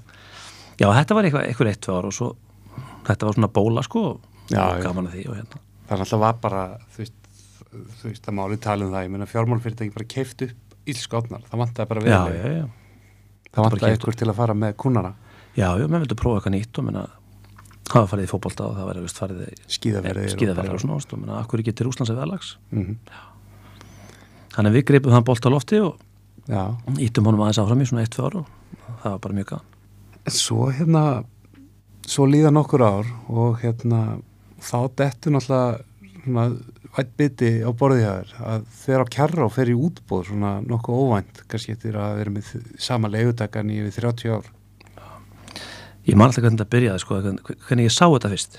Ég er að veiði í Hofsá um hausti 2011. Ég var ekki með tölvu þá sko, þannig að þá kom ég inn í hlíðinu og, og svona kveikt á, fór á angling.is, þá kom bara þeir á kjarra að fara í útbóð. Ég ætla nú bara alltaf að trúa þessu því ég las þetta fyrst sko, því ég hafði ekkert heyrt af þessu. Ég, ég sá þetta í fyrsta skipti. Og hérna, ég hugsa, já, þannig er kannski bara sjansin komin sko. Þannig ég kom inn bæinn og sótti útbóðskognin og svo hringdi ég Daði Másson minn sem að hérna við vorum búin að veiða saman í mörg ár og hann var auðvitað einn af management var sölu og, og markastöru allan á þessum árum og ég hef búin að veiða með þeim í mörg ár og, og sagði þetta við hérna fá bjóður á vínbarinn og hérna við nokkar að sína það svolítið. Og, og ég, ég, býð, ég býð sko. Það, það er niður skipti, ég býð sko. Það var alltaf á hinvegin sko. Já, og hérna, svona bara einhverju léttu spjalli og, og hérna og ég sín hann um útbúrsköfninu og við, við höfum þetta rættið dáður og hérna hann vissal, vissalega mínum áhuga á þessu og ég var búin að segja við Davíð mörgum árum ára hérna og bara svona við rætt þátt að ef ykkur á kema á markaðin menna hvort þetta er mikið slá til og hann segi jú bara endilega að skoða það. En ég bjóst nú aldrei við þetta er þeirra kjara á sko. Nei, þetta er náttúrulega svona þú veist eh, ákveðin drömpakki úr þannig með veist þessi tvö veiðús í þælum stangafjölda og allt þetta dót, þetta er náttúrulega bara stærsta unit á Íslandi sko þannig að þetta er, mm þetta er stökki gati ekki orðið, herra sko en að stíga þar inn sko. þannig að ég er alltaf lág yfir þessu mánuðum saman. Að rekna á nót svona hvað maður teldi að hún myndi þóla og, og þannig við ættum líka eitthvað raunverulegan séns. Mm auðvitað vissum að líka tímasetningin var ekkit slæm fyrir okkur sko því að menna, þetta er skömm eftir fjármálarhrunnið og kannski lagsveið ekki svona kannski efst á, á hérna, listunum hjá þessum að svona ég svona hugsaði þetta verður örugglega bara, þetta er stang og þetta er átni og þú veist Mhm. svona, eins og maður segi the usual suspect sko. Líka þú veist, ég veit ekki veist, og svona, svona lagsveið og svona spina, já, þetta var bara þannig tímar að ég hugsa, mögulega í þessu umhverfi eigum við séns á stígin og, og, og hérna, eiga svona fair chance minna, svo bara bauð hver fyrir sig. Og og hérna, eftir sátu þið með pálmanni endurum það munaði 500 skalli. Ég man eftir þetta var manstu hver var með næst þesta búa hvað það er átni vinnum já, einmitt, já, ég man eftir því þú segir það. Já, átni var með sko 111 tvær, við vorum með 111 sjö. Og þetta er á þessum tíma sko náttúrulega þú veist rosa mikla tilfinningar, ég var náttúrulega að vinna þarna fyrir þá var þetta legutaka þú veist, rosa erfitt að kveðja maður setja bara eins og með þislana í, í hérna, sanda og, og annað sko, þú veist, mm. þú veist menn búin að alast þarna upp sko. Já, áttu bín bara græði við vatna og yngo já, já, ég bara spjallir bara á þú veist, þarna var komið eitthvað sprengi tilbóð þú veist, þetta er langlegin í miljón dollara fyrir einhvern veiðirétt á Íslandi sko. Það var alltaf 5 ára búið, þetta var, þetta var búið að búið um að 500 miljónir sem er alltaf Mhm. mikill peningur sko. Þetta er svakalegu peningur. Þetta er risa búið sko. En ef þú reknar þetta á 5 ára basis minna, þetta er náttúrulega Þetta, er alltaf veturinn hann að 2011 svo Já. kemur sumari 2012 Já. lélegasta veiðisumar í bara ára tí Var, varst ekkert, þú veist, þið eru búin að skrifa undir varst ekkert skjálfand á beinunum eða lakkaði þið bara til að byrja? Jú, þetta minna ást uh, svo við hérna klárum aðeins hérna aðdraðanda hérna Já, aðranda bóðsins bóðsins að hérna að, að Davíð hefur svo sambandum og segir hérna við hefum ekki bara verið þrý saman í þessu hérna Haldur Hafstens hafði ákvað að koma ykkur líka þannig að við, við vorum þrýr sem að settust niður og ákvaðum að láta slagstanda og hérna og ég var náttúrulega búin að vera í þú veist, lifa og hærast í þessu í öllis ár en, en þeir svona meina bara veiði meina í þessu og hérna ég höfði þetta bara á mönnum þetta sumari 2012 þetta er tímyndaðar En þeir náttúrulega í viðskiptum erlendis og svona kannski Já, bara í öðrum viðskiptum og minna Já, og þú veist, einmitt, það var svona einmitt, þannig að þeir, þeir líka sko, út því að þið þú veist, þið voruð ekki átni, skil, það vissi allir að átni myndi bjóða stórt, skil, það er bara einhverjum menn sem að, þú veist, hef, hafði ekkert, sko, þú veist, bær, borið mikið á í bransanum og svo náttúrulega þú, svona þessi gamle refur í, í þessu, sko, sem hafði sandið mitt, bara eins og segir, verið flugmaður og með einhverja einu og eina viku, svona haft lill tanna alltaf í, út í lauginni, sko. Já, ég er bara alltaf með sko. Já, og svo bara kemur þetta þú veist eins og segir, eitt stærsta unitið á Íslandi Mm. í útbóð og, og þið hæstir. Já, þannig að hérna en þetta var þau hugsa sko þetta var, þetta var ekkit svona einhver, þessi tala var ekkit ekki veist, dregin upp úr hatti Nei, það var langt í frá sko og hérna og ég sagði þetta nú eitt, eitt hérna ágætt að manni viðskiptalíðin eftir mér hann sagði, hvernig kom þessi tala? mm. Ég sagði, hugsa þetta bara öðruvísi Hvað eru búið í kjarrá? Já, 70 miljónir Já, hvað eru búið, búið í þverjá? En nú skilji hvað þetta fara Já, einmitt, Þetta er náttúrulega tvær árið, þetta var eins og bjóða í Hofsó og Selá einmitt. en svona, en það sem að það litið á þetta sem eina á og þetta, þessi stórbrotna saga minna, sporður í 30 eitthvað ár þetta er náttúrulega bara legend. Búin að reyka þetta með Bravur og Jón Ólusson að stýra þessu. Og alltaf svona svolítið sko, svona mystík. Ekki, ekki mikið að frétta eða? Ég menna ég segi þetta að sporður náttúrulega klárlega besti svona prívat leigutæki í sögu landsins fram að þeim tíma sko. Mm menna með 30 eitthvað ára sögu í þessar á og búin að gera, gera þetta þetta var náttúrulega gert óað, þú er náttúrulega vannstæðin kannada þetta var náttúrulega opbóslega vel gert og þessi mystík og þetta er bara svo vel gert hjá þeim. Og hérna, þetta var ald- aldrei over-commercialized þetta var bara svona, lótið eins og Haffjörðránir ekki og svona þessar ár sem eru ekki svona allt og mikið in the public eye sko. Þú veist ekki mikið hver er að veiða og svona. Einmitt, bara eins og þetta á að vera að mínum dómi sko. Þetta er svona, svona einmitt, mystík. Þetta er svona ákveðið mystík sko. Og hérna en svo kemur sem árið 2012 og hérna auðvitað vorum við þessu en en af því að það veittist hvergi neitt. Einmitt, það var ekki eins og það var bara brjálæti ölunum og eða norður á í þrjúðu ég leitt bara á þessum tækifæri. Ég veist að það bara, nú kemur gríðarlega hreifingamarkaðin og við erum að stíga með þetta Já, þess á sem hefur verið á fára færi í mjög langan tíma. Ég hugsaði bara um sjálf með þetta með falla með okkur. Mm en ég segi það líka ef við byrjað 2012 já. Þá hefur við verið í vandastattir mm. En- fengi, þú veist, þú ert búin að selja veist, þú ert búin að draga kúnana inn í þetta, lofa þeim. Ja, allir nýjir sko. Allir nýr og Já. svo farið lila árið. Þannig að fyrstu kynnin að nýri á er, veist, er ekkert vatn og ekki fiskur að, veist, það er náttúrulega auðvitað gríðarlega vombrið þá horfur bara á það, þú veist, þú ert kannski að koma úr annari á, þá ert að horfa hana tölunar og... en svo fenguðu náttúrulega að gegja fyrsta sumar. Við duttum þetta bara í lukkubótin það fyrir það fyrsta, sko salan gekk vel. Mm hún fór hægt og staða með voru þetta svona að máta sig á okkur og þetta er svolítið hækkun á nefn eða hún er hækkað um svona 20-30% og hún átti náttúrulega vissu litið inni sko. Mhm. svona með við aðrar ár. Sumi leiti í lokinu sporði var kannski svona þú veist, það var ekkert verið að kannski sækja kuna, þá var bara svona verið að semja við núverandi kuna hvað er gáttu borga til þess að koma. Ég held að, já, menna ára tuga viðskipta og vinna sambönd þannig að Mhm. hérna þetta var bara svona sama hólkið og, og, og hérna og það voru mjög, mjög margir og eiginlega bara vel flesti sem að heldu áfram með okkur. Já, maður sér það bara í dag að hérna, maður, maður hittir gamla kuna, þeir eru ennþá bara í sömu dagsetningunum líkaði já, já, en þetta opnuði þeirruna fyrir, fyrir útlendingum sem að það ekki verið mikið. Mm -hmm. og hérna en við fáum þetta, þetta geggjað árið 2013 2013 sko, með 3300 lagsa já, einmitt, þetta er okkar besta ár svo fara, nú erum við árið 11 sko. einmitt. Þannig að hérna, við gátum ekkert mikið hefnari sko. nei, ég menna það var alveg kvell opnun og allt lagsin kom snemma. við vorum bara eins og átni 88 í, í kjósunni. Já.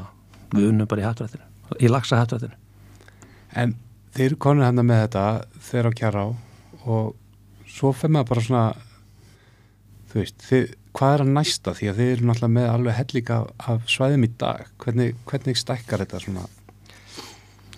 Sko það byrjar á því að, að hérna að Jón Ólafsson er mikill heiðusmaður og hérna þegar við vorum búin að skrifa undir þá fór ég hitti Jón. Og hann bara rétti með kunnalistan og sagði bara gangi ykkur vel. Mm og hérna því hann sagði þetta er allt vinið mínir. Og þegar hann langar að halda áfram þá veistu hver ég á að tafa sambandið Það Jón er, það var alveg yndislegt að vinna fyrir Jón, það var alltaf það var bilaði bílinn og maður um vorið og það var bara alltaf þetta ringi Jón og bara, er þú ert hérna að fara að gæta fyrir mér 60 daga, hvað vantaði mikið pening sér og það var Ég bara millifært og, og Já. græja sko. ég menna hann náttúrulega búin að vera þarna og stýra þessu að miklu myndaskapi í ára tíu og og veit allt vinnir hans, þetta er öllis áru og hann náttúrulega bara hafði þess að fólks og árunar á sveitarna fyrir brjósti. Mm og allir spórsmenn sko. Og hérna og Þorgir og ég náttúrulega bara gamli félagar úr fluginu og, auðvitað, og Jón Ingvar náttúrulega kem, kem, kemur hann inn í genum, genum pappa sinn og menna, ég þekki Andri svo gammal tíð og við erum náttúrulega báði flugmenn og Mhm. náttúrulega þessi lagsviði heimur og ég er náttúrulega búin að vera í Norðuráni í öll þessi ár þannig að maður þekkti mikið þessu fólki og hérna og, og, og hérna þannig að, jú, þannig að næsta sem gerist er það að hérna að Jón hefur samband við mig og segir hérna það er hugmyndum að, fæ, að, að, að, fjölgum eina stöngi brennu upp í þrjárstangir Já. og hann sagði persónulega ég hef ekkert úrlega mikið áhuga á að taka búst, það er náttúrulega erfitt að innlega svona mikla breytingu. Og bara spurðu hvort að hérna, við höfum áhuga að leysa þetta samlíki Já. sem við gerðum. Var ekki hérna þú veist, Gunni Gísla, Þorgeir Jú, þeir voru með þetta. Þeir voru Já, með þetta allan, og Jónsson sá um að svara söluna Já, það var ekkert með þannig sko. Þannig, jú, þeir voru náttúrulega með þetta og hérna en, en Jón hafði svona millingungum með það að við náttúrulega eðlilegra sko, víst að sporður sé hættu með þegar á að þetta sé bara svolítið á sömu höndum og slegi takt þannig Já, það skiptir náttúrulega miklu máli því að þetta er náttúrulega bara og onni sko að, hann sé svona mm -hmm. uh, þú veist, mér stæði nú ekkert á sami hver sem er verið með brönna sem maður myndi kannski Nei. veiðana með einhverjum, aðferðum sem að maður ekki kannski alveg sáttu við sko. Nei, einmitt Þannig við tökum við þeim samningi og, hérna, og aftur rétti Jón mér kunnalistan og sagði hérna, gangið vel. En það líka að þessi fái brennuna það opna náttúrulega á veist, þessa uppbyggingu sem hefur verið á veiðhúsunni þeirra og, og svona að, veist, snemma í tímbilinu þegar fiskurinn er þú veist, þú getur ekki gert ráð fyrir fiski að, að mögulega, eins og ég veit að það er gert stundum, vinkla brennun inn í einhver hol sem er upp í þeirra og það sem ég hugsa náttúrulega vera mestu með það að að auðvitað var í þurrkasöfnum allt og mikið að lagsi drepinni í brennu já, og að mörguleiti gætt brennan tekið þeirra á í gíslingu spik maður hefur alveg verið að bölva í þegar maður er staðið upp í kjarra og með kuna og svo bara er móknir í brennu sko. Já, þannig að þetta svona það var mjög fyndið því ég svona byrjaði að- hafa samband við þessa kuna hérna sem höfðu verið í brennunni og alltaf kynnti mig og okkur og við varum teknið við brennunni og það er svona, það er svona smá breytingar á veiði fyrirkomulægin og hérna já, menna það já. Og hérna, og kynnti stöng þrjútisögunar og við vorum svona tilbúin að liða með því út af, út af hérna veiðitölun þú segir svo svona öllíti breyting líka svona á veið aðferðum því að við ætlum að hérna setja kvóta. Að, að það með ekki taka nema ég held að við verðum með þrjálags á stöng á dag þá sko. Þetta var náttúrulega kvótalög sko. Já, en svo, svo þegar maður sagði að maðkurinn er þið bannaði líka þá svona verið ég bara lagt á. Þannig að, að hérna við ég heldur við kannski haldið svona kannski 20-30% konunum sko. Og hérna en þetta fyllist rætt og örgla og hérna og hérna hefur gengið bara mjög vel síðan. Þetta er náttúrulega geggja svæði. Ég veit ekki alveg með þessa þriðustöngingu hvort við verum ekkert tíma sammála um hana en, en, en Nei, menna, hún, alltaf, þetta er bara lekt hann út minna, ég er ekki lindið því að fylgja stöngum í ám sko, hérna, og, hérna, en okkur var bara, þetta var bara dýlinn mm og þetta tóku hann, minna, ég, ég hef ekki viljað þetta brenna að fara bara, ég er góð og enda ekki þar nei, það er alltaf bara ekki verið gott. En hvernig eru hérna og svo þetta strömatirinn í framhaldi. Svolítið svona sömu prinsipum sko, minna, að, það er líka göngulegðin fyrir lagsnöpið þurfa að kjöra á. Þannig að hérna, við tókum bara nákvæmlega sama approach þar, bara fly only. Mm. og þessi tvö svæði voru náttúrulega, menna, við þekkjum sögurnar og strömanum minna. Þegar stóru göngunar eru að koma þarna ég meni ég vissum hól sem tók einu svona 87 laxa sem voru bara allir að úldna inn í skúr sko já, á maðkinn sko þannig að það var alltaf bara ekki tímaskekkja og hérna ég skildi nú að þetta var ekki með þeim hætti svona að, að vera með þetta kótalust en, en hérna við kursum við breytum því líka og þetta er bara svona ekki í takt og náttúrulega, þetta er náttúrulega tíu ár síðan sko. Mhm. í dag þykir öllum þetta eðlilegt. Fyrir, fyrir tíu árum síðan var þetta bara svona kannski ekki alveg sjálfgið eða svona einhver ármótasvæði var eitthvað að- Nei, jökulvatn og- jökulvatn og svona ást en við höfum farið þá leið að, sko í ágúst það er náttúrulega mikið af fjölskyldufólki að við, svona, að semst frá fyrsta ágúst þá má við á spún líka þá náttúrulega Já. byrtingur er komin og náttúrulega mikið af fjölskyldufólki með börn og svona ást og, þá er sá hópur líka komið með eitthvað fyrir sig þannig líka ekkert mála við að sleppa á, á spún sko. nákvæmlega En hvernig laðist þetta í hérna, manga á hamræðindin þegar þú sagði hann þetta, þetta veri, því að nú er hann veiðimaður sko ekki. Mangi er náttúrulega bara hristu hausinn Já, þetta. og hérna fyrstu sumin þá var hann að læða sniritur og hitta konuna sko Já.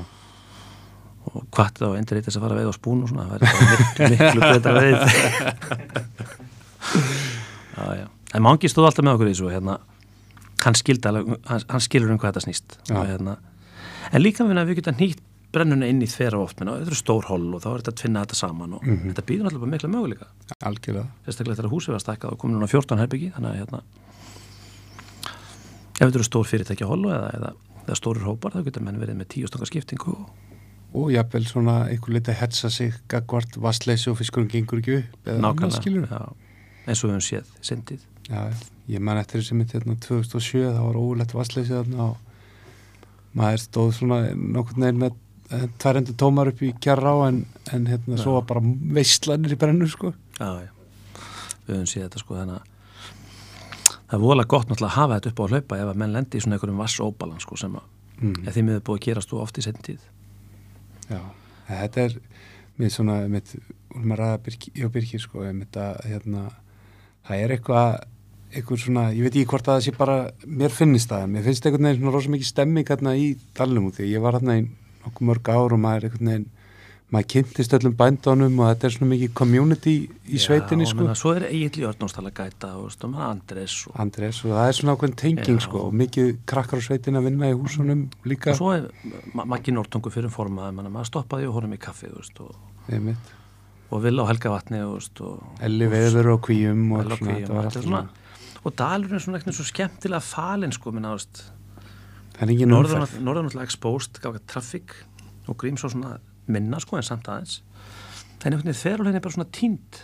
Og svo náttúrulega bara, svo náttúrulega bara gjössalega tínt sko að Það er mitt oft þegar að fólk er að spyrja mann út í þjóra kjara sko, því að veist, það hefur kannski veit af henni, en það hefur aldrei séð hana veit ekki hvað þetta er og heldur að þetta séu tvær ár sko. já, já, já, maður er ekki svo það marg oft sko. Og hérna, En er það svo svo næst náttúrulega, náttúrulega beauty við þess ár það er náttúrulega svo margt en, en þetta er náttúrulega, það sé engin foss í henni. Mm -hmm. það meðan lagsinu bara komið með báðar átnar inn. Já, á fyrsta degi. Og lags er búin að dreifa sem um allt, það er algjörlega uník. Það er algjörlega magna verið náttúrulega henda þessi engin foss. Í á sem er að falla á hann hvað, 300-400 metra hæði við sjámáli það er alveg magna ég mani mitt að hafa kíkt mitt daginn fyrir opnun. Fengum við nú leiði frá Jóni einhvern tímann til þess að láta kokkin veða margilagsin daginn fyrir opnun sko. Já, og hérna og kíktum við réttarill þar voru svona 40 stólagsar Já. ekkert vatn. Það var 2012, þetta lélega já, ár. liðlega ári það kom eitthvað tveggjarlagsi það var vorið, svo kom engin einsváslags var það ekki þannig sem það var. Jú, sko, það voru þarna bara þetta var alveg bara frá efstast út og alveg nýr á brot og við völdum Mm. aftasta lagsinn fyrir kokkinn og hann tók náttúrulega í fyrsta kasti. Mm. svo síndi ég, og þegar byrja neðst. Já, já, eðlilega, já. Til að styggja ekki allt. Jú, jú, já. svo ringdu við í hérna, ringdu í Þorger daginn eftir því að þá var ég búin að heyra, sjá bara á MBL eða eitthvað, það er bara veist hérna, einn eða engin lags í kjara á fyrsta daginn. Já. og ég ringdi bara, hvað með fiskana upp í réttarill þeir eru á hortnir, það var það, sáðust aldrei. Beint upp yfir þeir eru bara ykkur já, það er bara forðabúr árnar sko, og það eru fiskar komnir hann í mæ eitthvað, 100% ég á vídeo, hérna gömul vídeo sem pappi tók á svona einhverja camcorder vél hérna, já, hann var að stannsitja veiðhúsi með battabróðan skimma, þú veist, 1990 já. þá voru að renna sér snjósköplum í mænir langadrátt að veiða fisk sko ég meina Tóti sagði mér sögu, hann er alltaf hann er alltaf búin að segja mér svo mikið að sögum að það er alltaf bara efnin okkar þætti sko. Já, að er Tóti árun. Tönn. Tóti Tönn, já. Já. einhvern voru þeir hann upp í kjara á mjög snemma sko hérna. Og hann sagði hann gekk út úr veðu svona í Víhól og hann sagði, mér er alltaf minnist þetta ég leit tilbaka og sá hérna fótspúrin í snjónum. Mm. hann alltaf labbaði alla leið upp í svartastokk Já, ok. Hann kemur upp í stokk og stokkurinn er bara undir ís. En það er smá vögat nefst þannig að hann rennir undir ísin Nei. Og hann er strax komin stólags á Og, og landar hann bara gegnum vökkina hann ætlar í ekkert í fiskinu hann ætlar bara að sleita Já, þetta hann sagði hann stóð ég búin að lappa upp í stokk. Hann vissi að hilurinn var farin sko. Já, og svo bara lappa hann tilbaka. Magna. Þetta er ekta tóti sko. En hugsaður Eljan, hann sagði þetta var veist, í, sko í svona, svona tíð. Hann sagði á hann var öll á ísætnum frá. Hann fór bara undir ísin Það er geggja sko. Það er ekki sko þannig að ég, ég get alveg trúa fyrstilega sem hætti þarna sko upp úr miðjum mæ sko.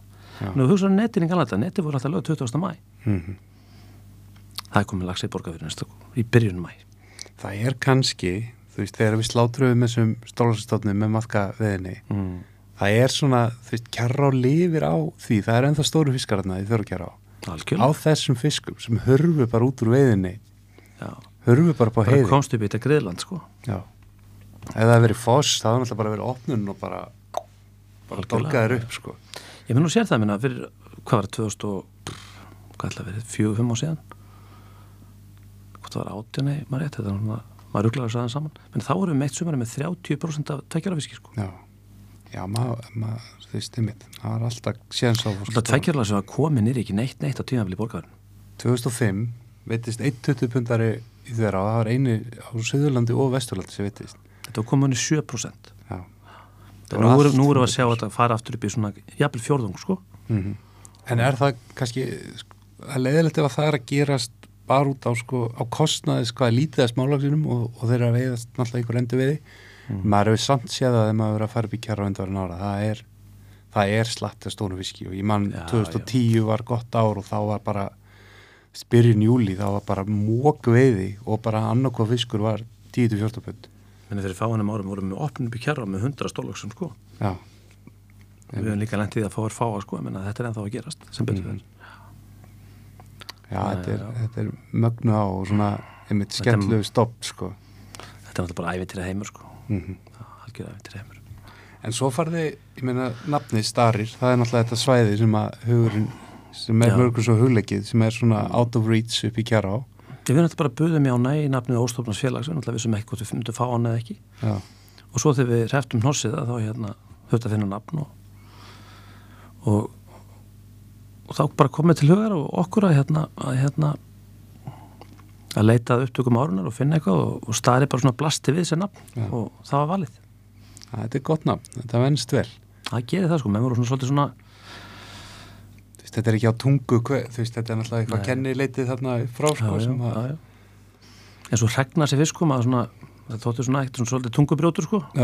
En nú er hregnar sem maður er bara þetta maður er finnst það bara eðlilegt. mjög mjög eðlilegt.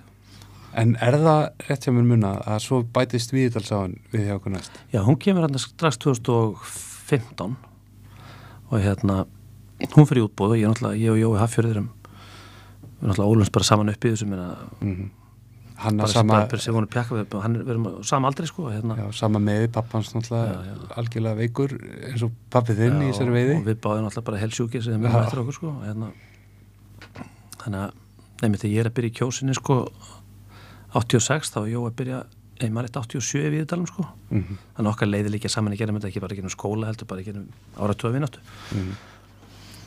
og hérna þannig að við fórum svona að velta fyrir okkur minna, ég var bjóða, ég var ekki að bjóða við settum snur ég, Davíð og Haldur og, og við Davíð vorum svona meira á því að, að- að bjóða og Haldur svona, já, alveg til í það líka sko. En svona alltaf sagði ég að ég hef þá bjargvæstu trú að þetta þurfa að vera eitt maður í hverja á og, við vorum sammála um það að hérna að hérna að leita til Jóa. Og við buðum, buðum bara Jóa að koma með í, í teimið og ef hann hefði áhuga þannig að Jói stýrið þessu bara og hefur stýrt á hann síðan og, og þá stopnum við félag sem heitir Laxabakki sem að semst, starir eiga 75% í Mhm.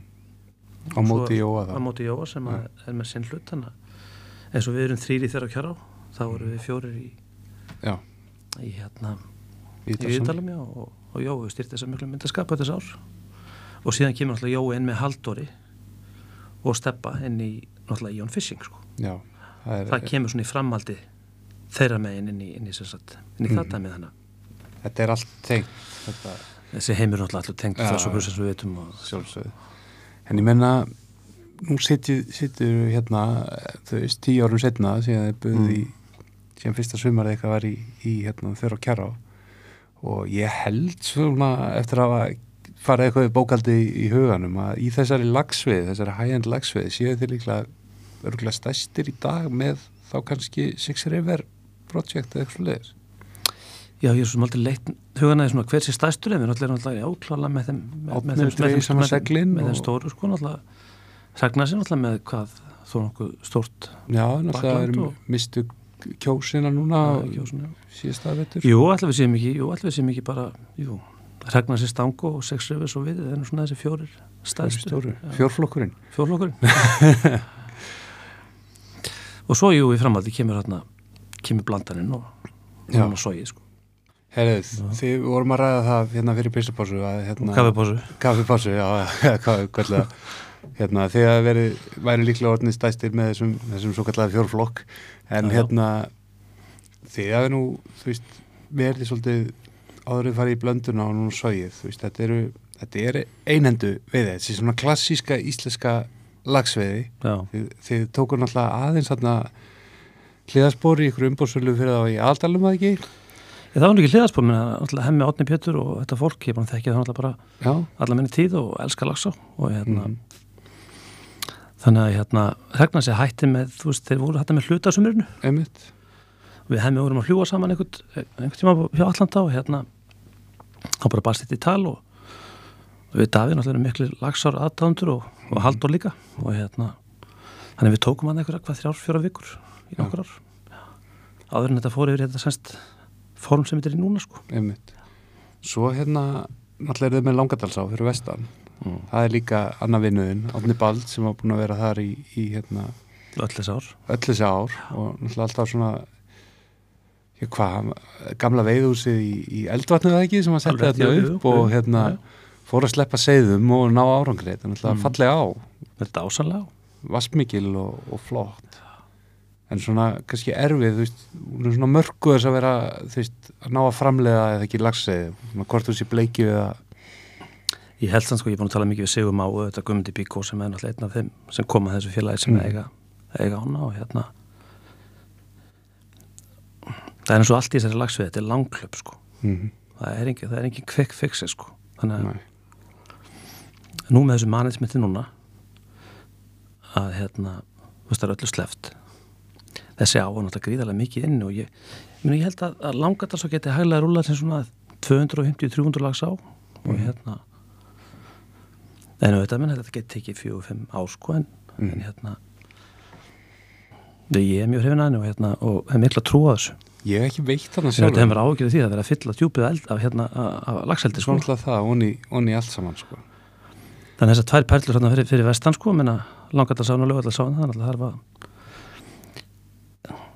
veist, það er opbúslega gaman að vera í hótelánum og vera í þessu, en, en hitt hefur líka alveg sinn sess. Algjörlega. Þannig við hefum svona reynd að vera með í svona okkar portfóljó Mm þú veist, self-catering í sambland við auðvitað svona flagskipið sem er þeirra á kjara á -hmm. og hérna þannig að menna fólk er að sækjast í ólíka luti og Svo eru þið náttúrulega líka búin að gera þarna breyta þess til í Silungarsvæðinu við þess að komið flott hús þar já, það lukkaðast rosalega vel sko, og er vinsælt, bara alltaf uppselt. Þannig að veist, þetta er svona tónar, þeir eru með þetta portfóljó, einmitt bæði self-catering og svo, svo, svo ég kalli þetta ná, það, sem þú kallaði það, hótelátnar og svo náttúrulega komið þegar núna blandan fyrir útbóð eftir að átni lætur hana frá sér og svo sóið núna, þá eru konir í tvíendu í portfóljóðu líka. Já og og náttúrulega fáið Sko, svart það- á það- sko ég tala fyrir sjálfum mig persónulega. Mm -hmm. það sem ég við skemmtilegast við lagsveðbransan þetta er svona ef við svona líkjum þessu við kannski svona íþróttaferil. Þú ert nú gamall. Handbóltamæður er það ekki? Var einhver tíman já, aftamæður, jú. já, já. Já, svona menn kannski byrja svona bara á línunni og eru sendirar og eru svona ást í, í framlínunni og svo svona dregur þau til hliðar og svo kannski verður svona þjálfari svona einhvern tíma með tíu og tíma. Einmitt, og svo eru kannski svona pínum grand old man ef að, ef að tekst vel til hliðar og hérna en það sem á hugminn allan í dag er bara þessi lagsvend fyrst og fremst. Mm og langadalsá eða hvað sem það þeirra á kjærða á langadalsá eða hvað áður sem það er að koma að þessu með einhverja hugssjón og einhverja framtíða sín.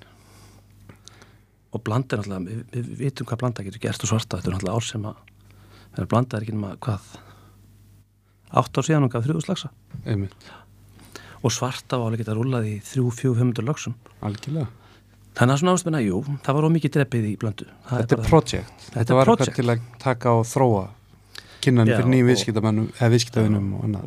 við erum alltaf voru svo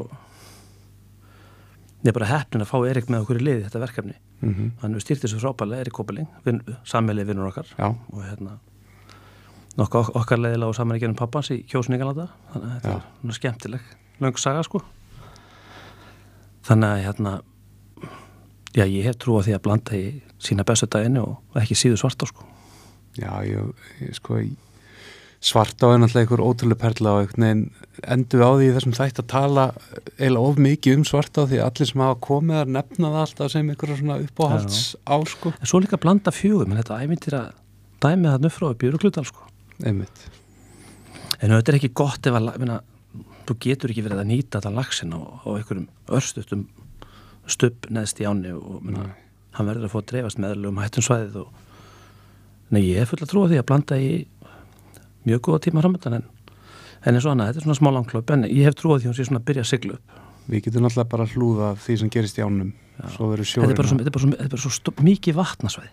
Já, Þetta getur framleitt svo ofbúslega mikið að lagsi og blanda er ekki köld á. Nei Nei, hún er óla frjósum ég, er mjög frjósum aðeins er að leika mér aðeins þegar ég er hérna var hérna einhvern tíma upp í svartil að snúa við grjóti og svona kíkja eins undir steinuna og svona eins og maður gerir sem silumsveið maður sko. Ég er bara hverki síðan mikið að bara vorflugu hilkjum og ánum og öðru svona sem að þarf til þess að standa undir Mhm. mm segja framleyslu og, og öðru sko. Na, Ég meina svo er náttúrulega bara náttúrulega það er kannski allir að fíla þetta mjölkulitaða vatn sko. Mm -hmm. En ég hugsa alltaf meina, hver er munurinn að veiða það eða veiða píti á í Skotlandi? Meina lagsin tekur viðborinu Já. algjörlega. ég spurði átna hvað er besta veiðtæki í blöndu? Þannig að sagði, ég tek bara sönnrein ekki af. Einmitt, hann situr aldrei á sökkata segir hann. Og þartis ekki, menn á hann er bara 10-12 gráður. Ég var hérna mitt að gæta Erik mér, plataði mér smá leiðsögnan það síðast sumar. Já, og það var nú bara í lok júli og þú veist, svona áin ætti nú að fara að vera aðeins hvítari og svona. Já, það var sama, það var bara þú veist, það voru bara þessar hérna 12-14 á flotlinu og Menni, það er bjútið þetta? Og svo mátti ekki gleyma því eins og sko Tarkvin hefur ítrekkaður að minna okkur á sem er náttúrulega hefur hjálpað okkur að í, við erum náttúrulega okkar svona stærsti agent frontiers í gennum tíðina sem við byrjum náttúrulega gríðarlega mikið að fallegum silungarna og urriða og, alveg helling sko og einhver smá fiskar sko. Nei, þannig að flóran er ótrúleg. Og svo náttúrulega fremst í svartáni það er þetta með þessa silungsveiði þannig að mm ég meina er þetta ekki eitthvað stærsta vilda vatnansveiði á Íslandi? Ég myndi halda það. Í raunni og ef við lítum á svona bara svona ferkilometra og ég meina þetta er gríðalegt vatnarsvæði. Menn ef þú horfir á eitthvað þú veist, í veiðinni fyrir þreim fjórum árum síðan, eitthvað projekt sem var hægt að fara í, þá er það klálega að blanda þróa hana sem, sem sagt, veið og sleppa hérna, flugveið á og náttúrulega svart á en að sitja hana í einhvers konar gjörgæslu eins og þið hefur gert núna. Já, já. og svo er það náttúrulega hinn hérna vassmesta bergvats á landsins. Það er sogið. Já, já, og það, það er byrjað mann á ferilin það er gaman að fá að koma því núna. Sko ég, 50 árum setna sko. Ég veit hérna á því að ég tala náttúrulega svo mikið við Erik hvaða pælingar þetta eru en ég held að það hef, hef nú margir hrist hausin þetta væri nú bara einhver nostalgía í Ingo og, og hérna eitthvað. En sko, alveg Sko, sko, so- hann er hafið handónýtt sko sógið er náttúrulega bara alltaf Íslands. Já, en menn lesa söguna. Menn þarna er Guðmundur frá Miðdal og Lítía með mestu lagsviði sem eru skráð á Íslandi ef við tölum um stæl lagsa mm, þau eru þetta með fyrir hvað átnæni mitt með svona svona memorabilia í húsinu hjá sér. Já, var þetta ekki einhver 1940 eitthvað svoleiðis? ja, þetta var eitthvað starra Já. í kring. Og það eru þau á tveimu dögum að taka 36 lagsa og það voru sjö smálags sem, sem dróðu niður meðalhingdina og hún var 20 bönd já, þannig var þetta. Mm, pappi saði mig þegar maður í svo ámringalanda að þá flög hann eins og með kamerumanni upp alla alvusá og upp alla hvítá. Og ég manni hvað hann saði mér að þeir talið 130 eða 40 nett og þá voru að viðast 20-30 þúsund lagsar í nettin fyrir 40 árum síðan. Sí. Og ég var að rifja þessa sögu upp í fyrra sko með hérna með Óla árnæmdaformanni þeim mikla sóksmanni sem þekkir náttúrulega sóið betur en nokkur annar. Og er hérna með sill og valda í Kanada og hann sagði sko þá var þessi mikla veiði í, í Kvíta og Ölfusá náttúrulega gríðarlega lagskend þetta er náttúrulega stærsta vatnarsvæði landsins. Mm. samt var sóið þá að gefa sko hann sagði sko alveg að við veljum með svona kringum 400 sill og valdi sem voru þá með áskarðin og þú veist það var bara vakna kl. nýju og silta bátnum upp á frúastinn. Menn tóku svona 5-6 lags og fengur þessu bara lönns og þannig er ég alveg upp þannig er ég bara bann en, en hérna þetta er ég er svona nægi skottið og svo ég man ennþá eftir að hafa séð bátinn og Sill og valda að koma um pennum einn sko. Já, þegar pappið var með 30 daga bílsöldsmegin við vorum með tjald á bakkanum við vorum eitthvað bara svona í viku tíma já, og við vorum fjölskyldan og það var bara veitt á eina stöng þannig að afi gæti ekki vaðið mikið, við vorum eitthvað bara þrýr pappi náttúrulega veitti, náttúrulega tók bara bunin á tóftinni allan daginn. Og afi veitti efra hotnið, hann gæti ekki vaðið sko. Svo var ég geimdun á næra hotnið með flótolt gjöðsan lágur þetta hjælt mér alveg rólum og hérna svo fekk ég alltaf að fara upp yfir í semst hálftíma fyrir hlið og síðasta hálftíman þá fekk ég að kasta tópi á, á, hérna, á dóftina sko. já, og þess vegna mani þetta svo vel sko. við, við vorum að taka þá á svona 20 dögum svona 100 lagsa þá var bílsvellið 300, áskarunni 300 og frakkarnir voru með þetta á leigu niður frá alvöruna. Og þeir byggu hótel sögu. Já, þeir tóku bara alvörun allt sömarið svo kerðu þeir bara mótnana í bæin eftir á kvöldina á komlu vegunum og, og menna áum að bara, hún, var að gefa þessa veiði þarna. Og af hverju getur þetta ekki orð- orðið aftur? Kannski ekki þessu mæli nei, nei en svona einhverja, glimpsis af fyrirfæð og þetta er eins og allt annað, þetta er alltaf sambland margra þátt en mm -hmm. náttúrulega yfirlt er það náttúrulega ofveiði sem ásaka það þegar að hlutinni fari illa sko. en við sjáum þegar átni verið reyka stórlags að hann hann fór mjög vel með hana sleftu öllum, menn að stórlags og þeirra það er mikil stígandi í henni. Mhm. og hérna, líka bara breytti svolítið veðmenningunni tók þú veist, já það er það sko. Og hérna, kannski öðru í þessu veðmenn líka sem eru þá að koma og annað sko. Nei, minnast þannig að með, með svona breyttum mannismenti og bara nýjum viðþórum, þannig að svona það er svolítið þetta svæði það er pínliti glemst svona í þessari þróun síðustu ára áratöð já, fyrir minninginnislóð af veðmennum Já. þá er sóið einhvern veginn bara þú veist, þegar ég er að byrja veð þá er það bara lélegt og erfitt. Og stóralags á líka, öll umfjöllum já, já, stóralags á er gríðalega falleg en, en þú veist, þú fær ekki fisk skilur heila svona. Þannig að ég bara horfði aldrei á þessar ár þó að það væri bara hérna í túnfætinum sko. mér veist þetta náttúrulega stórlags og stórkostlega og náttúrulega sóið þetta, þetta magnaða vassfall sko. Ógíslega falleg á en auðvitað minna við þurfum að fá lag sko, minna, það þarf að veðast mm og minna það er allir búin að sætta sig við svona kannski, þú veist, það er engin að byggja um eitthvað 5-10 lags á stöng á, á dag sko. Nei. en við, það erum, erum hættir að tala um það bara. Það það er er, ekki bara búið sko. Þannig að hérna ég sá munni í sumar, ég var mjög alltaf fyrsta árið okkar í bílsellunni í, í, í sumarsileið alltaf án er aldrei gætuð og þetta er ár sem að þarf helst að vera með gæti já, þarna og ég lagst svo að þú þarft gæta þarna sko. og hérna ég er alltaf búin að veiða þetta allaveg þannig ég þekki þetta og þekki þetta mjög vel þannig að Tarkvinn, Steppi Kristjáns og ég ég held að við höfum verið með 30 lagsa þarna í, á bílsveitinu sumar á einhverju viku eða eitthvað sko.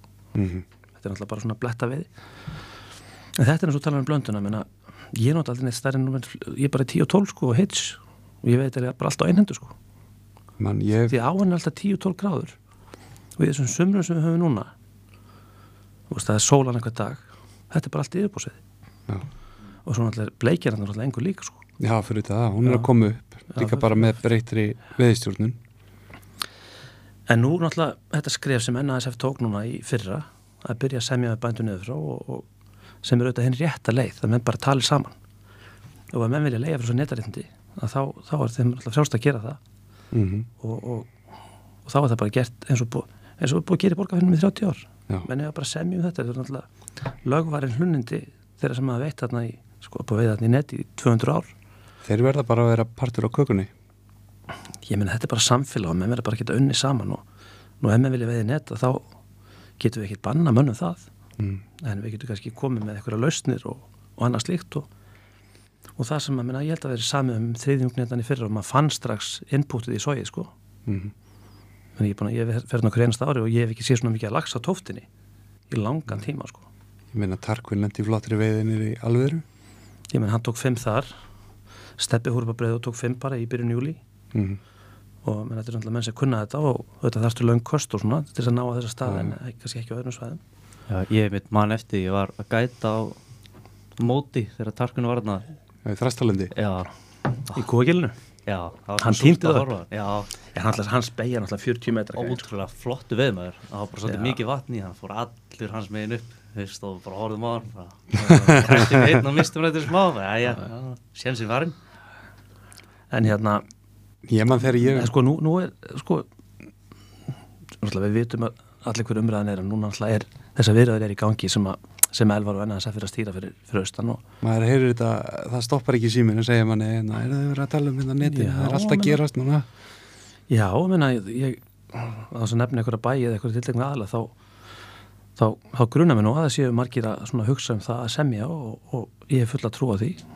Og ég getum sagt okkur á því að við gerum nú svolítið svona já, tímamóta samlingi ger við Selfoss og hérna, semst að félag okkar starir að það voru þrjú til fjögur net við Selfoss. Það er þessi stærsta lögn, þessi er hvað Já, hún er svona þrískipt sko. Það er, það er náttúrulega, það munar kannski margir bátinn undir brúni sko. Mm og það, ég held að það heiti held ég held ég heklaða kalla, ég maður nú ekki alveg en það hefur svona, þessar, þessar netastöður hafa sína upp sko. Þannig að við erum búin að leia svæðið frá eigunni fyrir ofan brú sem eru svona 800 metrar og alveg niður undir kirkjugarð.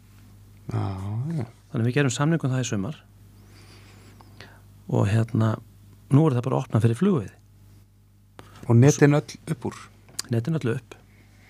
En, en allir bóndi ábúandi og eigandi hann ætlar að vera með eitt, eitt net og veiða sér bara svona bara í, í í soðið fyrir sjóðafamilíuna og, og hérna þannig að það verður engin útgerð þar í sumar? Nei, en svona ásættalega hérna, málamilun þetta er bara svona minna bara mjög almenn ánægjum þetta, það þurfum að búa til nýtt veiðisvæði og tekjum möguleika fyrir þessa landeigandur mm að snúa sögunni svolítið við og fara úr neta viðum á þessu tiltegna svæði yfir í stangveiði. Þetta er náttúrulega tilruna projekt já, það verður en ég er búin gaman að skoða svæði þetta frá hann brú. Þetta er svona 800 metrar langt svæði og að vestamöndu fellur hún það er náttúrulega gljúrið og það er allur háfaðin mm.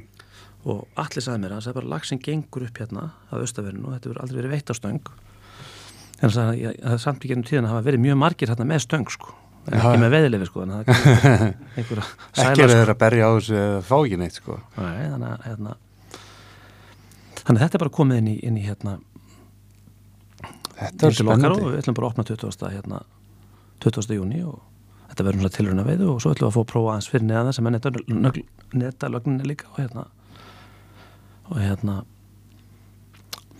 og skauta ég, ég, söndri ég, finna, ég, já, ég finna bara líka að, fyrir, fyrir landegundur hannamina og fyrir okkur að þetta er, þetta er bara frábært samstarf að geta komið með eitthvað svona vinklaði til ykkur alveg nýja átt og, og áinn þetta niðurfrá er ekkert mikið litari heldur en, heldur en blanda, það er alltaf sóið búið að blandast í hana. Mm og upp í kvítanum sjálfur er alltaf heilmikið stangveði já, bara í gíslaldi og bara öllum er stöðum það er sko. ekki bara í kvítanum sko, þannig að hérna, þetta er spennandi. Þetta er bara að, flugu vatn. hérna, þetta er nú ákveðin, já bara þó við tölum um þetta hérna, potaróleering og þetta er risa stórt já, þetta er, þetta ákveðin tímumóta samningur um, í veiði á, á þessu svæði.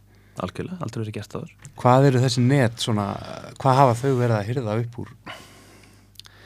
Sko ég spurði nú elvar að þessu og, og, og hérna þessi net sem eru þá þarna í þessar Já, selfoss sko, frá 2010 hefur veiðin alltaf verið að dala en hún er alltaf líka verið að dala á landsvísu sko. Mhm.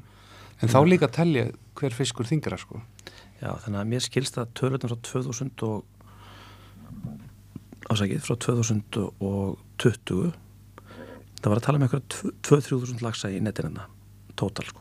í þessu lélega árið 2020 Já, ég held að vera með svona kringu 2000 laxar og hérna gefum okkur það kannski eitt þriðið sér á leðinni býr svo mm alltaf eitthvað þessum laxi er jökullax eins og við veitum, bara hvítárlags hvítarlax já, það má ekki gleyma því að þetta er ekki allt sama lax sem á heima í bergarsánum sko. Nei, nei, þannig að hérna en þú veist, ég held þess ekki dórleitt menna í sógi eða ég meina ef, ef, ef að svæðir eru netalust menna kannski tala um 500 laxa. 500 lagsa í viðbútt upp í sói 500 sem leggjast í yðina og gangur svo upp í stóra lagsa og já, og svo veit ég að landægjótu við tannastæði þeir eru konum núna með sleppiskildu mm að allur stórlagsir skal sleppt og þeir eru að færa sig fyrir flugveið þannig að ég finn það bara svona atmosfærið í allir sveitinni. Ég er búin að tala um Jörund Formann niður frá, hann er alltaf bara gammal hérna, félagið mér bara frá í esku. Og það er bara svona gagkvæm með vilja, menn eru bara að svona að vinna saman og hérna og þeir sem vilja leiða, leiða frá sér. Þannig að það er ekki verið að þröngu þessu búið neitt nei, nei, þetta, En þetta eru viðskipti í rauninni Já, þetta eru viðskipti þar sem, að, sem allir eru sáttir og ganga sáttir á borðið, það er náttúrulega eina leiðin þess að gera hlutina vel. Mm, og það er búið sína það í borgarfinni með 30 ára þú veist, þetta er leiðin sko.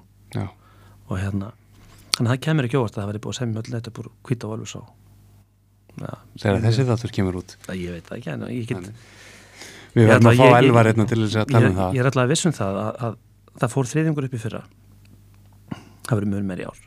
og bara það að Selfoss eitt og sér það sé búið að leysa þetta er það- þessi stútur við brúna. þessar tvær þrjá lagnir þannig að þær eru ekki niðri og hérna. Og þannig er bara komið spennandi stangveðisvæði og menna, þetta verður ekki dýrt verðlagt menna, við Mhm. vitum ekkert hvað veðist þarna en, nei, nei, en við vitum að lagsin gengur hérna í gegn og svo ég eru forma, formaður í hérna, jöröndur hérna, að segja mér að hérna gríðalega mikið af sjóbyrtingi já, þannig að við erum semst bara basically með sama leigusamning þarna og um önnur svæði þannig að alltaf veiðifélag ánæstinga er öðruvísi sett upp en venlu veiðifélag þannig að það, eru, Mhm. það eru allt vatnasvæði er undir einu veiðifélag og það er heldur 260 eða 70 félagsmenn sko. þetta er bara sko alveg upp í laugavall við sko. Já, að þetta, þetta, þetta, þetta er gríðalega mikið samfélag sko. Mm og sumt er stangvið og neða netta við og, og hérna eins og verið hefur um alltaf tíð sko. Og hérna og það er allir sammála um það minna, lagsin er að fara niður þú veist, minna, netta við mennur, ég var að tala við menn, við, náttúrulega okkar ábyrðið það, þú veist, að passa upp á lagsin og hérna ef við sjáum að lagsin er að fara niður, minna, þú veist, þá verðum við að breyðast eitthvað við. -hmm. og trendið er bara niður og við ekki, ekki bara þarna heldur um, um all land.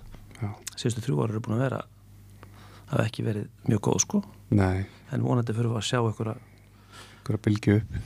Já, alltaf, það, það er minna lagsi núna heldur en það fyrir 20 ára síðan, svona bara tala reynd út menn við veitum það allir.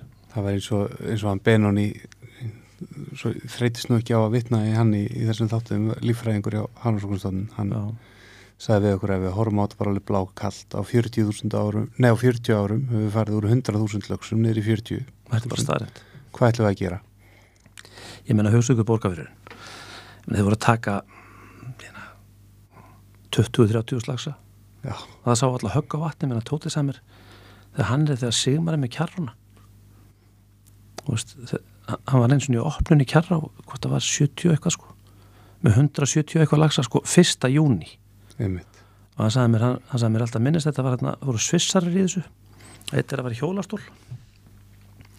Og, og gætin hann bara trillaði hann út í hérna gatið fyrir ofan svörstustina og hann landaði 11 stórlöksun sí þetta er fyrsta júni og það er netin á fullu gasi neður.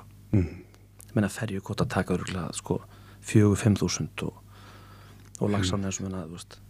Ég meina magniða lagsi sem gekk í borgarfyrinu þessum árum er náttúrulega astronómist sko. Og sömulegis auðvitað í, í, í Ölfusá og Hvita og, og bara um all land. En það sem er náttúrulega hvað mest sorglegt í þessu er hvað þetta er stutt tími í rauninni sko. þetta er stöld sko. En sko skýslan sem var að koma út hjá hérna, Lost at Sea sem að AST var að gefa út hafið mm. hafið heyrt um hana? Já, ég er búin að heyra um þetta hérna, að þessi fiska verður bara hverfi hafið en sko það sem er að, það sem er að koma í ljós í Skotlandi og ég held að það sé svolítið umhengsunefni fyrir okkur að minna lagsin er alltaf bara hitamælur umhverfið.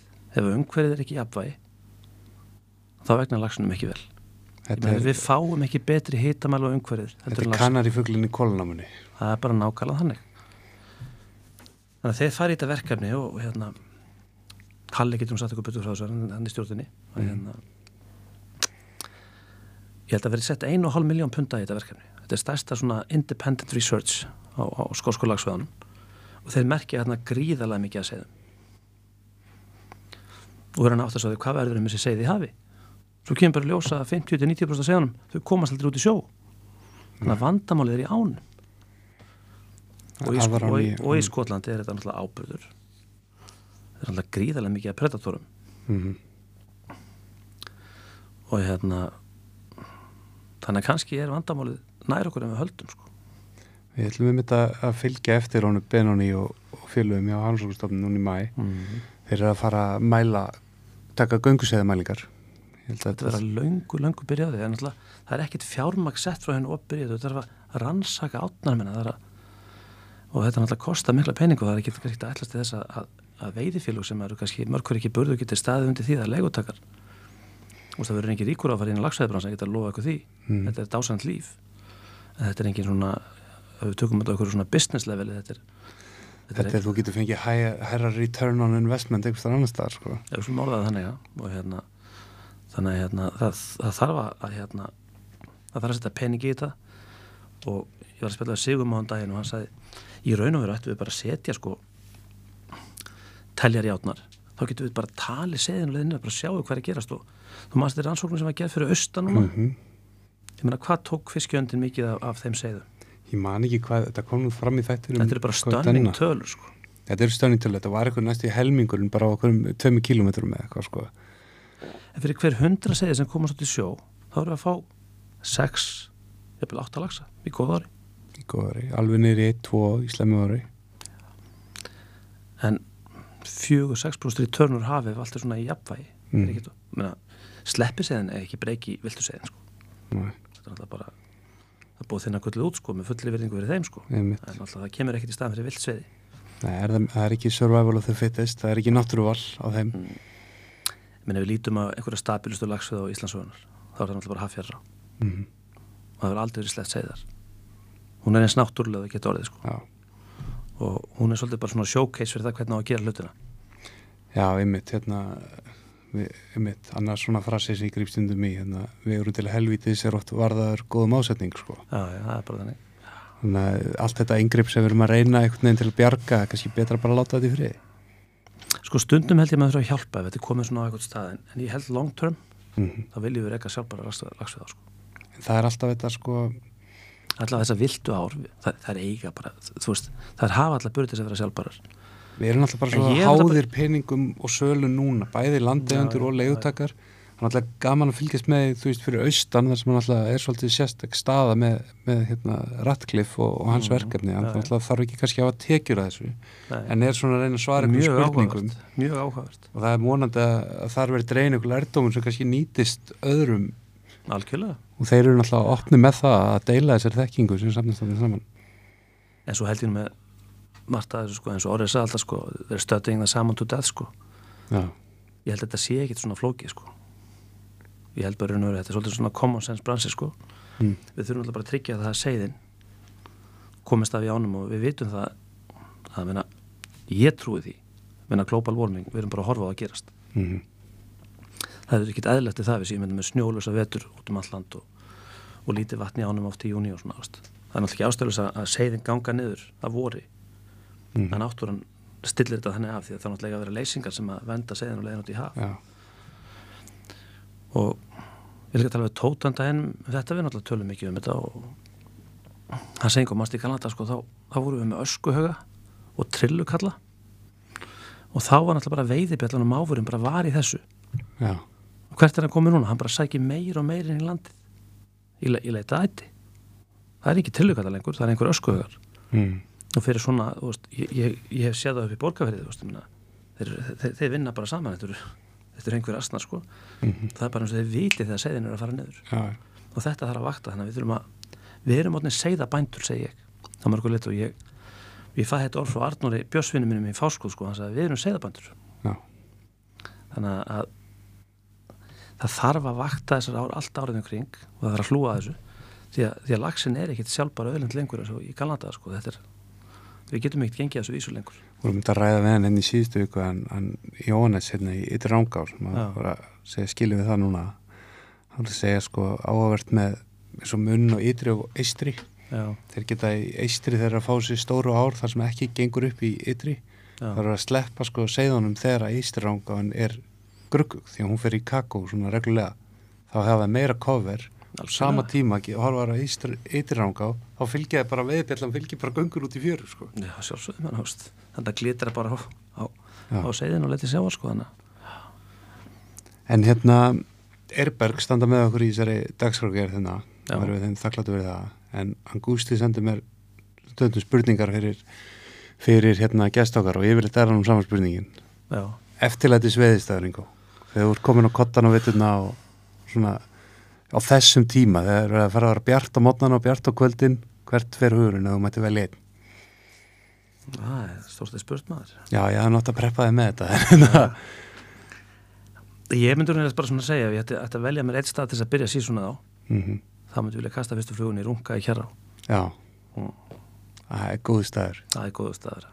Ekki, ekki staður sem er oft bara talið í þessu einmitt, já, það er alltaf Nei, rú, rú, sko rungi í, svo sem er svo heppin að draga runga að, mótni fyrsta dag, sko. Já, já Birki fyrir þetta hlæja, náttúrulega nafnið er náttúrulega, þetta er einhver, þetta er einhver maður sem heitur Rúnar hann í sveitinu og að kallaða rungi, þetta er ekki, Og svo þetta eirin í norður sem er náttúrulega dislega og stokkalsbrotið. já, Ef við tölum um þess að vorstaði, sko. Stokkalsbrotið er náttúrulega æðislegt, sko. var aldrei, út í að, svo ég fari nú aðeins tilbaka hérna, þegar þú tókst þér á kjara á, var aldrei neitt svona kerkja að þú væri norður maður í sveitinni? Ég upplýði það aldrei, sko. Nei, því að nú er sko, þetta er ekki mikið á yfirborinu, en það er alltaf svona smá Þetta metingur er sko, náttúrulega val, valur káar svolítið, sko. þetta er svolítið valukáður sko, Já, já, það er svolítið þannig, sko. Þannig, hérna, nei, aldrei, sko, en hérna, en hérna, en þú En bauðst sko, ekki norður á, til dæmis, það var ekki kannski hægt. jú, ég meina við bara kursum að gera það ekki, veist, og, hérna, meina við erum á frábærum staði borgarfyrinum og hérna, ég óska bara þeim velfarnaði með norðuruna, veist, og, og Rappi og Binni munu gera þetta vel Já, og hérna, norður er endislega á og alltaf, eina minnum upp á alls saman, norður er algjörlega dásanlega á, sko. en fyrsta fluga vorið það er rungi í kjara. Já, ég mætti byrja síðan ekstra, þá myndi ég vilja byrja í runga í kjara, Það er gott já, val. Já, Ef það er sko sæmilegt vorvatt svona. já, skeit, svona, skeitið sönnreið, sko. Já, algjörlega. Freyr Frosta sagði mér, hann var svo heppin að- að að- að hérna, draga gullið þarna eitt, eitt vorið. Já, ég held að hann tekið 12 stólags eða 10 að 12 í röð. Hann var sentil maður í veiði sko hérna og gekk vel um þetta ást þessi komu ætti tók held ég aðra 7 ég held að þessi morgun var þetta að gefið 25 tvekja ára fiska sko. Þetta er náttúrulega ekstrím vakt sko. Já. en þetta, er svona, þetta á að vera svona 57 lagsa Maður er alltaf bara, ekstrím bara, vaktir bara, hérna. bara, bara í, í fallu og vorvatni þetta er bara svona 100 metra bara svona, þetta er algjört gull sko Já, má jafnvel alveg reyma á þetta litla tvíendur sko. Og, og já, ekkert mál, já, það má gera það alveg geggja sko. En mér langar að spyrja þig hérna, Ígó, þú er náttúrulega veitt víðar enn á Íslandi og, og bara mjög víða. En þegar við vorum að tala um að væri svona einhver leindarjúpur yfir kjarrá, alltaf í Norri, það er nú svona eitthvað sem að ekki allir fá að snerta á þó þeir eigi nú nóga selum og, og, allir að vilja gera það skiptir engum máli hvað mikið Nei. Hvernig, þú hefur náttúrulega einhvern veginn dreigið það strá að, fá að kasta þar. Hvernig, hvernig gerist svo leiðis og hvernig upplifum var þetta? veistu hvað, þetta er eina góða við COVID Gott svar. Þetta er það, því að þessar sko þrjár vikur síðasta vikan í júni er syndikat vika 1 fyrsta vikan í júli og önnu vikan í júli þetta er 21 dagur sem þessi breytar eiga í þessu syndikati og þetta er náttúrulega mjög merkileg saga sko Mm og alltaf er ekki mjög skemmtilegan hátt. Svona, hún svona það eru þrjár vikur í höndunum á þessum þessum aðalum sem eiga þetta syndikat membership. En öll hinveðin er engungu fyrir íbúa alltaf og það er bara dreigið í svo lottir í -hmm. og þá heldur við borgið bara tíu skall fyrir nóttina sko. Já. og hérna, en við megum ekki keppið sko. Nei, þú, þú, þarf, þú þarf bara að vera með heimilisfang þarna í þessu hér eða eitthvað svo erum allir sem að horfa hana þáttunum en við fyrir að fá svo kæristu núna í alltaf til þess. Þannig að það er eitthvað svo leiðis leiði til þess kannski. Maður þurfti bara að stopna svona eitthvað, eitthvað skúfufyrirtæki og getur skráð adressu þarna, verið með póskassa. Þannig að eins og þessar, vikur eru settar upp þá eru semst tíu stangir í hverju viku og membershipið kostar að ég held, held að sé 400.000 dólar eða 500.000 dólar en þú getur ekki keift hann um allir hinnir í hópnum. Samþykjum. Og það var tvö membership skipt um hendur í held ég á 30 árum þannig ég vissi náttúrulega að þetta væri vonlega sko Og þau erfast bara þessi membership. Já, minn ást og, og þeir eru ekkert að, þú veist, menn geta komið hann að bóði gullakar annars kóðast og þeir eru ekkert að selja hverjum sem er þetta sko en svo kemur COVID og, og ég segi þetta er það eina sem kom gott út úr COVID og þannig að allir þessir þessir members þeir get ekki ferðast Nei. Og þá kom tækifærið og við stökkum á það. Og gátum gert það tvöru hvernig var þetta? Veist, ég, ég hef er séð myndirnar og allt þetta. Þetta er algjörlega unbelievable sko. þetta, er, þetta er náttúrulega bara það er ekkert sem að jafnast á þetta sko, hérna, sem ég hef nokt með að prófa þetta er þetta er náttúrulega flottasta lagsfið í, á jörðinni sko. þeir eru hann í Steinfoss og þessum frægu stöðum reyndar við veitum einhverjum þegar hún er sko Stænfórsum er ekki inni. Ok, en við erum að veiða semst neðsta svæðið í semst 16 skiptingu Mhm. þannig að þetta eru sex nætur og það er, þú ert semst með þinn bát og það er, þetta er ekki langu veðitími það er, þú byrjar átt um kvöld og svo er veitt til 12 svo kemur dýrasti lönns í heimi þegar það er sest niður og, og kveikt á hérna í sprekkjunu og hittað pulsur og svona. Já, og maður þarf að kunna njóta þess sko. Einmitt. þú hefur bara 8 tíma það fer svona góðu klukktími það sko svona 40 mínútur sko. Og bara á með það rennu bara á hann og svo fer það aftur út í klukkan hérna svona kortið fyrir eitt og veði til fjórum morgun og það er búið. Þannig að veði hvert svæði einu sinni. Og þetta er allt svona nætur veiði. Er það bara út að hita eða hvað? Það kemur tvent til sko. Það, fyrir það fyrsta er það hérna þetta er náttúrulega á 72 norður. Mhm. það er mikið byrta en það er raunverulega að sagja svo að þegar að breytarnir voru hérna þegar að hérna Duke of Roxborough kemur hérna á 17. bara sem landkonnuður eiginlega sko. Og hérna þeir finna þessar, þessar norsku perlu sko og hérna og þá er þessi nætu við. Og hún kemur til að því að því að bændurnir sem voru þá ræðarar voru Já. bara hegi á daginn. eru að vinna á daginn bara. Já, þannig að þetta er eiginlega bara svona menningalegt aðrið það byrjaði þannig sko. Já, og hérna en svo segjaði mér sko að, að þetta er svo norðarlega sérstaklega yfir svona, sérst svona um sumar sólstöðu þegar að svona hérna, sólin er svona hátt á lofti. Þú náttúrulega þetta veiða þarna meðan nótt og það er bara sólin er bara beint fyrir ofan sko. Mm. og hérna en ég verði alveg ekki þetta tók alveg tögarna sko því að fyrra árið að það er ekki dreigið þú bara farið bara svona allocated hérna rotation. Að það fæ ég besta hilin í áni á fyrstu vakt. Menn spertir Já, ég vissi að þetta var bara, það, var, það voru bara sér átta tímar þetta var skotið þitt. Og hérna, og, og hérna við erum saman ég og Dísa kona mín á stöng. Og ég var náðu ekki svona fyrstu kostum að hann bara svona svolítið svona bara, yngo, bara, veist, get a grip sko. Já, og þarna voru einhver alltaf svona board members og menn með okkur svona veist, og auðvitað vissi allir um vallafönd og það sem við vorum að gera og okkar starf og svona veist, og ákváða því. En svo svona eftir svona var svona náður hrollunum úr sér og speikustin fór að vera betri og svo fór þetta svona rúla vel sko og hérna og þess að nótt tóku við lönduðu við fimmláksunni á Dísa sem er mín mesta og fallegasta veiðumæfina og það var frá frá 20 og svona 3-4 pundum upp í 36 pund. Og Dísa tók 36 pundarann í lokin. Auðvitað. Auðvitað.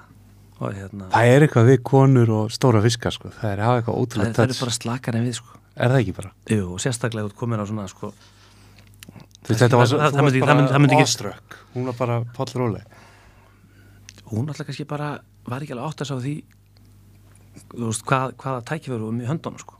Fyrir mig er þetta náttúrulega bara svona once in a lifetime. bara in a lifetime og ég hugsa, kannski ekki sem er aldrei enga aftur sko. Nei, sást ekkit fyrir þér að komast ára eftir nei, ég þetta, ef ekki komið til COVID þá er maður aldrei geta gert þetta. Mm. en hérna, þetta er æfintir heimur og hérna, svo fór ég aftur í sumar og við, við félagarnir og hérna og hérna þá voru við hérna saman á Snöngi og Davíð og, og hérna. Þú getur sér það sko og hérna, sem er bara, sem er alltaf ég er alltaf gaman að, skemmtilegast að veða með veðfélag sko. Já, og ég fekk sérst sumari 20 og, og hérna sumari 20 að þá hérna fekk ég held ég fengist testa eitthvað held ég 13-14 kíló nei 13 kíló lags. Mm. en svo var ég svolítið heppin í sumari ég fekk 2 minnistæðstu lagsa 14,5 og 17 kíló. Shit 17 kíló, þetta er 40 pundari sko í lipsum sko. Og við erum að, við erum að byrja ég og Davíð veist, og hérna, og hérna hann tók fyrstu bunu og ég tók aðra bunu og þú veist, það er ekkit mikið að lagsa á henni lengur sko, með því að vera algjörlega onnit alla vikuna þá áttu bara góður og kannski að taka einn, maximum tvo lags á nóttu sko. mm. því að gætin að segja það er bara svona 15-20% eftir sko. já, alltaf fyrir hún er allir betrektur með þessum, þessum kvíum og þessu okkið sko. og hérna Þannig ég spurði sko hérna Trond gæti minn sagði, hann sagði þessi vika sem þið verið að veiða fyrir 20 árum síðan var ég að gæta bara svona lala veiðamenn þeir lönduðu 29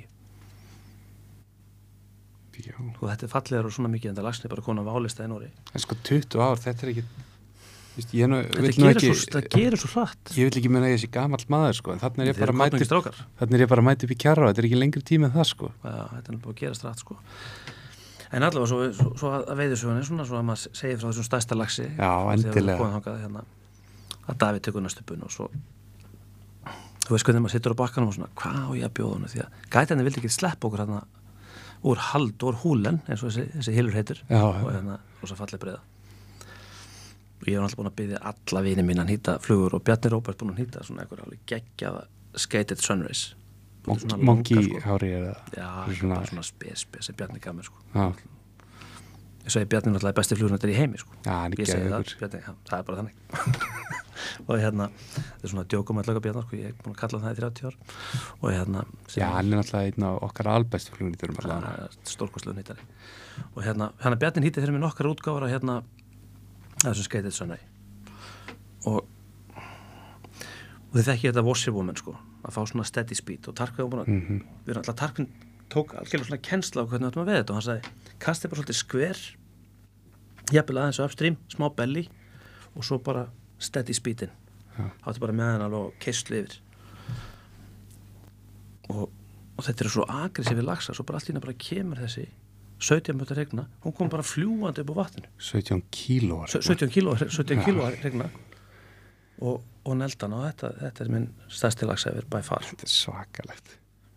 Á þessa flug og með þessa tökur sko, þetta var bara svona, þetta var bara svona the perfect moment sko hérna, og hérna og það kom í ljós og hún var að hrigna í þriða sinn sem var alveg magnað. Ég tók auðvitað reistur eða eitthvað leið Nei þessu höfum bara gætinu þessu, sjáu dopputan og bara næstu þessu sjóbyrtingur mm og hann sagði þetta er bara, þegar hún er þetta doppbót sko. Og þá var þetta third time spawner. Þannig að þetta, þetta eru mikilvægastu lagsættin í áni sko. Þannig að geggja Það er Þetta- magna með þessa ég mynd, sá að hann frötin var að tala um þetta nú er ég með hann að reysa sönri hérna. Gaf hann að geta sínt hann. En þú veist, við erum alltaf einhvern veginn íslíkarnir að kasta svo, þú veist, að sína lagsinu fluguna svona, sko. Mm. þeir kasta svo mikið að sína hún hliðina á flugunni, sko, þannig að hún sé það er belli í línunni og hvernig fluguna berast þessu fiskinu, þeir eru alveg öðrum pælingum veginn. Já, þetta er rosa mikið skver og stutt kost Já, ok. þetta er stóra og bara veist, stutt kost, kannski 15 metra kost og kastar á lagsin, ekki kasta yfir hann bara á hann Mhm. og, og ég myndi að segja helmingunum og tökunum voru bara svona, bara, þeir bara fljú upp á vatn sko. Ég myndi spurði ykkur tíman átna baldum þetta sko hvernig það myndi veiða þú veist eins og blöndu og annað hann, hann, veist, hann talaði um þetta veist bara kasta og menda ég vel inn skilur niður er bara downstream end og svo Já. bara keirur hana þetta er eitthvað sem við íslíkar gerum bara ótrúlega lítið af sko. Mm, þetta svínverkar ég sá gera þetta upp í með svona long tail monkey flug í, í, hérna, í þveróni já, ég held að hann er komið með 13 lagsin á vatni sko. já, það er svona góða ári sko. já. En hvert nú er ekki COVID þannig að þú ert valla að fara í alltaf í sumar. Nei, nei, það, það verður ekki ár. Það verður ekki ár. En hvert á að fara að veiða í sumar hvað er á að fróa fíkninni maður það, við erum að fara að byrja í, í Speinuna góður hópur já, á Andili 25. apríl að, eðslegt það er ekki og svo hérna og svo vorum við svo heppin að fá opnunadagana í Lerdal í Nóri þannig að við erum að fara til Nóriks Nú. góður hópur í sumar og hún, hún er semst lokuð fyrir lagsveiði út af sjókvíjaldi mm en það er verið klakveið þær í fjóra daga Já. á 16. þannig að við förum þangað 19. jóni og það verður svona já, Það verður eitthvað veisla. Já, það getur verið svolítið gaman og þetta er dásanlega á sko. Þannig að við erum að fara þetta góður hópur og verðum þar í, í fjóra daga. Þannig að það er svona stóri túrin í ár. En er hún bara komin í þannig gjörgæslega að það er bara ekki það verið að veiða þannig bara á einhverjum, þú veist hvað maður segja, tilhörna veið með að vísta veðum fórsendum. Þetta er bara allt annað í Nóri það sem að þeir bara, bara sem sagt, uh, ígildi hafur og þar sko. Þeir bara koma og taka áttan út og ef þeir, telja að vera konar á þann stað Maður, ég við þetta eins og hérna 2019 þegar við stóðum í mesta vassleysinu og fiskleysinu þá voru þeir bara með allt lokað í Núri bara út að hita og, og, og vassleysi. Herðu, Ingo, við erum búin að Sorry. spjalla við erum búin að spjalla hérna heilengi ekkert, ekkert að því að hérna, Þetta er nú veiðtengt mál sem þú ert að svara símanum yfir. Já, já, þetta er bara svona alltaf eitthvað, alltaf eitthvað í gangi sko. Já. En hvar, hvar vorum við? Við vorum í hérna, Við vorum að tala um hvað er alltaf að veiði sumar. Þú ert komin Já, í Lerdalinn og...